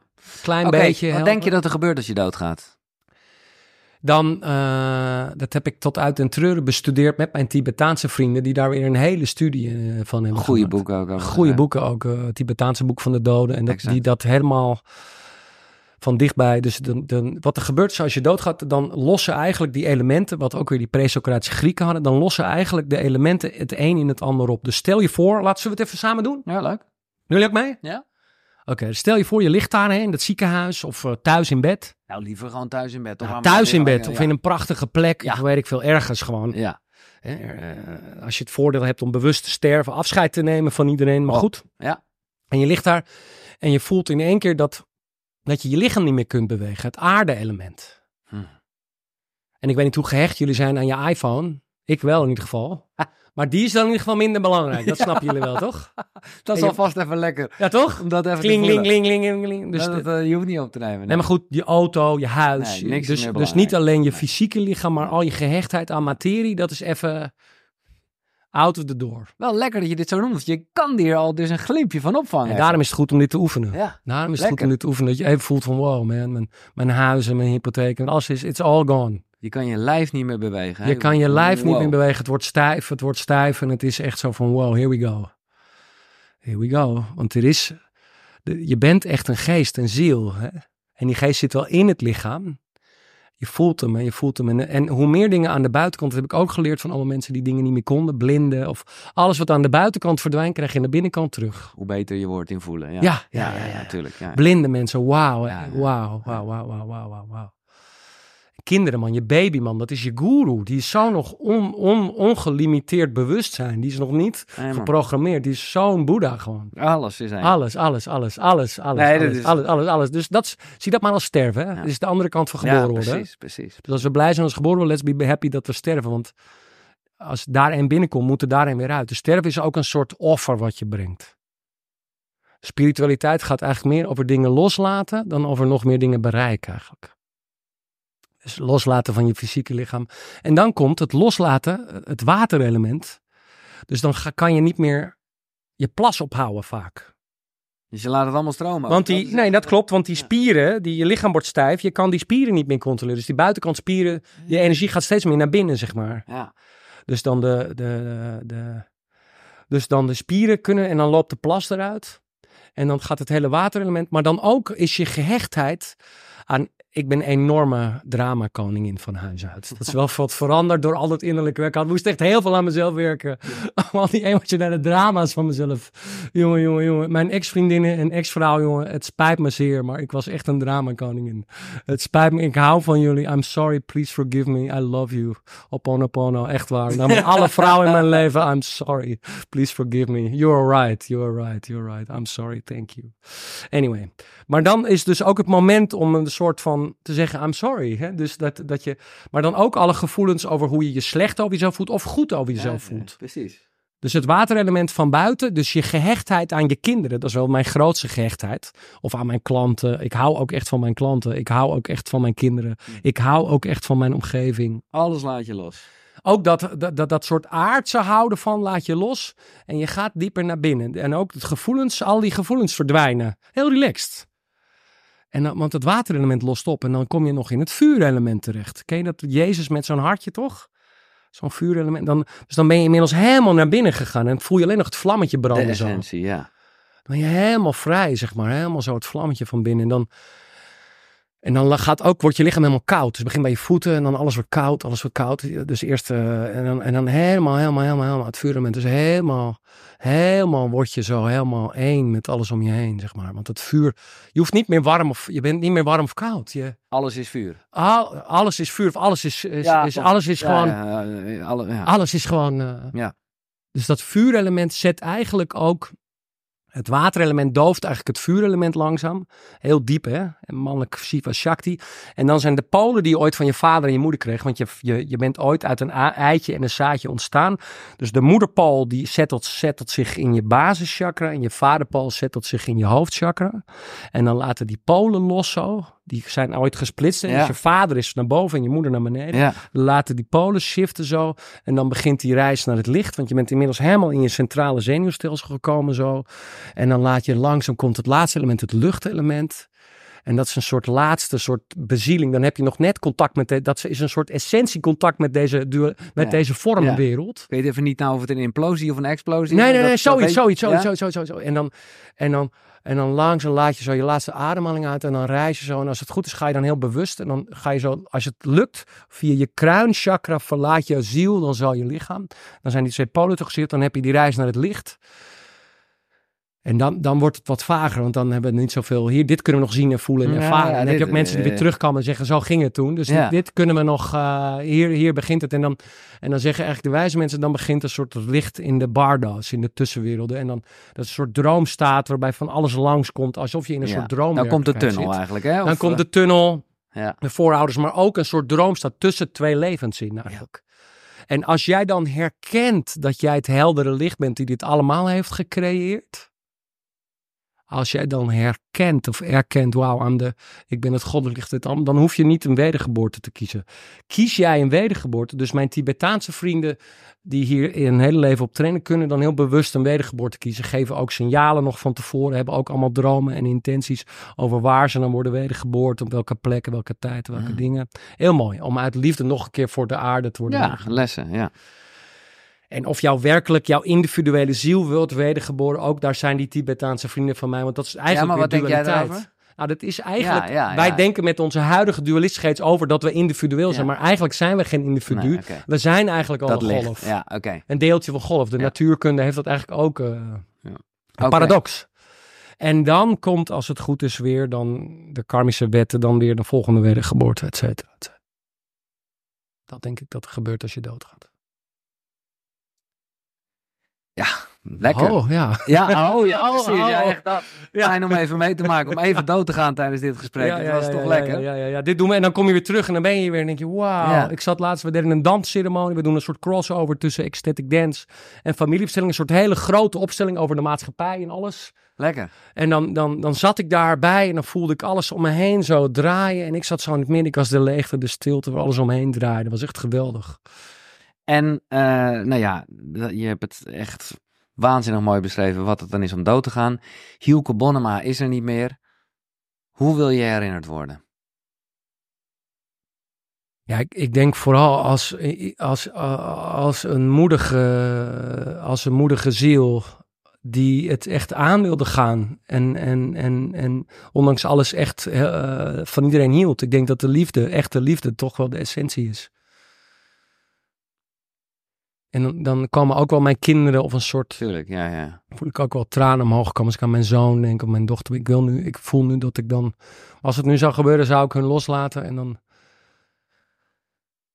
ja, dan, en, dan, en, en dat ik dan hoop dat de wereldbevolking op deze aarde, zeg maar, dat we werkelijk die eenheid en die vrede kunnen vinden. En dat we een weg kunnen vinden om in eenheid met de dieren en de plant als onze broeders en zusters, als één wereldbevolking, onze biodiversiteit verliest. Dat we stoppen met investeren in raketten en al die dingen. Maar, ja, dat we gewoon dat, ik hoop dat we dus al met z'n allen, dat als Kie weggaat, dat we echt een verlicht. Ja, ik, ik hoop dat met z'n allen de liefde vinden, zeg maar. Ja, dat is een loffelijk streven en ik hoop het ook met jou.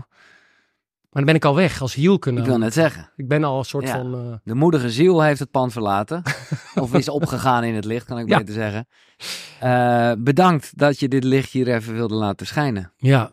Uh, wordt vervolgd, want ik, ik, ik heb echt nul zin. Dat ik heb nu heel erg, voor mijn gevoel nou ja, jouw boeken hebben me, hebben me gewoon inspiratie gegeven voor dit gesprek. Maar kan niet wachten op een nog meer free flow gesprek. Ja. Maar dat gaat ooit plaatsvinden. Of als jouw nieuwe boek uh, over de geschiedenis, uh, ja. uh, wat ik nu even ja. stom geschiedenis noem. Maar ja. bedankt, Wilke, voor je zijn en voor je inspiratie. En ik hoop dat iemand is die ook maar een klein beetje het gevoel heeft als wat ik heb na dit gesprek. Want ik vond het echt een top gesprek. ja. ja, nou ik ook. Ik, ik ben heel ontroerd. Ik zei het net al tegen jouw team toen we aan het plassen waren. Maar ik, ik vond echt de manier waarop je hebt voorbereid en de liefde en de openheid. En, maar ik vond dat ook je echt, ja, ja, nou, dat je echt hebt toegelaten wat ik aan het vertellen was. Alsof we samen op reis waren in deze wereld. Ja, ja. dat is een mooie omschrijving. Ik ben benieuwd of de reis, uh, nou ja, of mensen hebben meegereisd. Gereisd. Laat het even weten in de reacties. Vind ik echt in dit geval uh, wel bijzonder ben, want volgens mij is hij ook veel te lang. Maar ja, oké, okay, fuck it. Laat het onder achter in de reacties als je het tot hier hebt gehaald. Um, dan is het codewoord is Kairos. Ja, of luisteren nog een keer als je ja, nee, van, ik ben ja, kunnen, kunnen, mensen dat Want waar ben je dan afgegaan? Ja, waar is dan, waar ben je dan, ja, dan, dan, horen ze dit natuurlijk Dus dat is een oké. Okay. Uh, laat dat even weten. Super moedig. Jij bent ook een moedige ziel. Heb je tot het einde het gehaald. Yes. Super tof. Dit was Koekeroe. Tot de volgende. Zonnegroet. Hoi.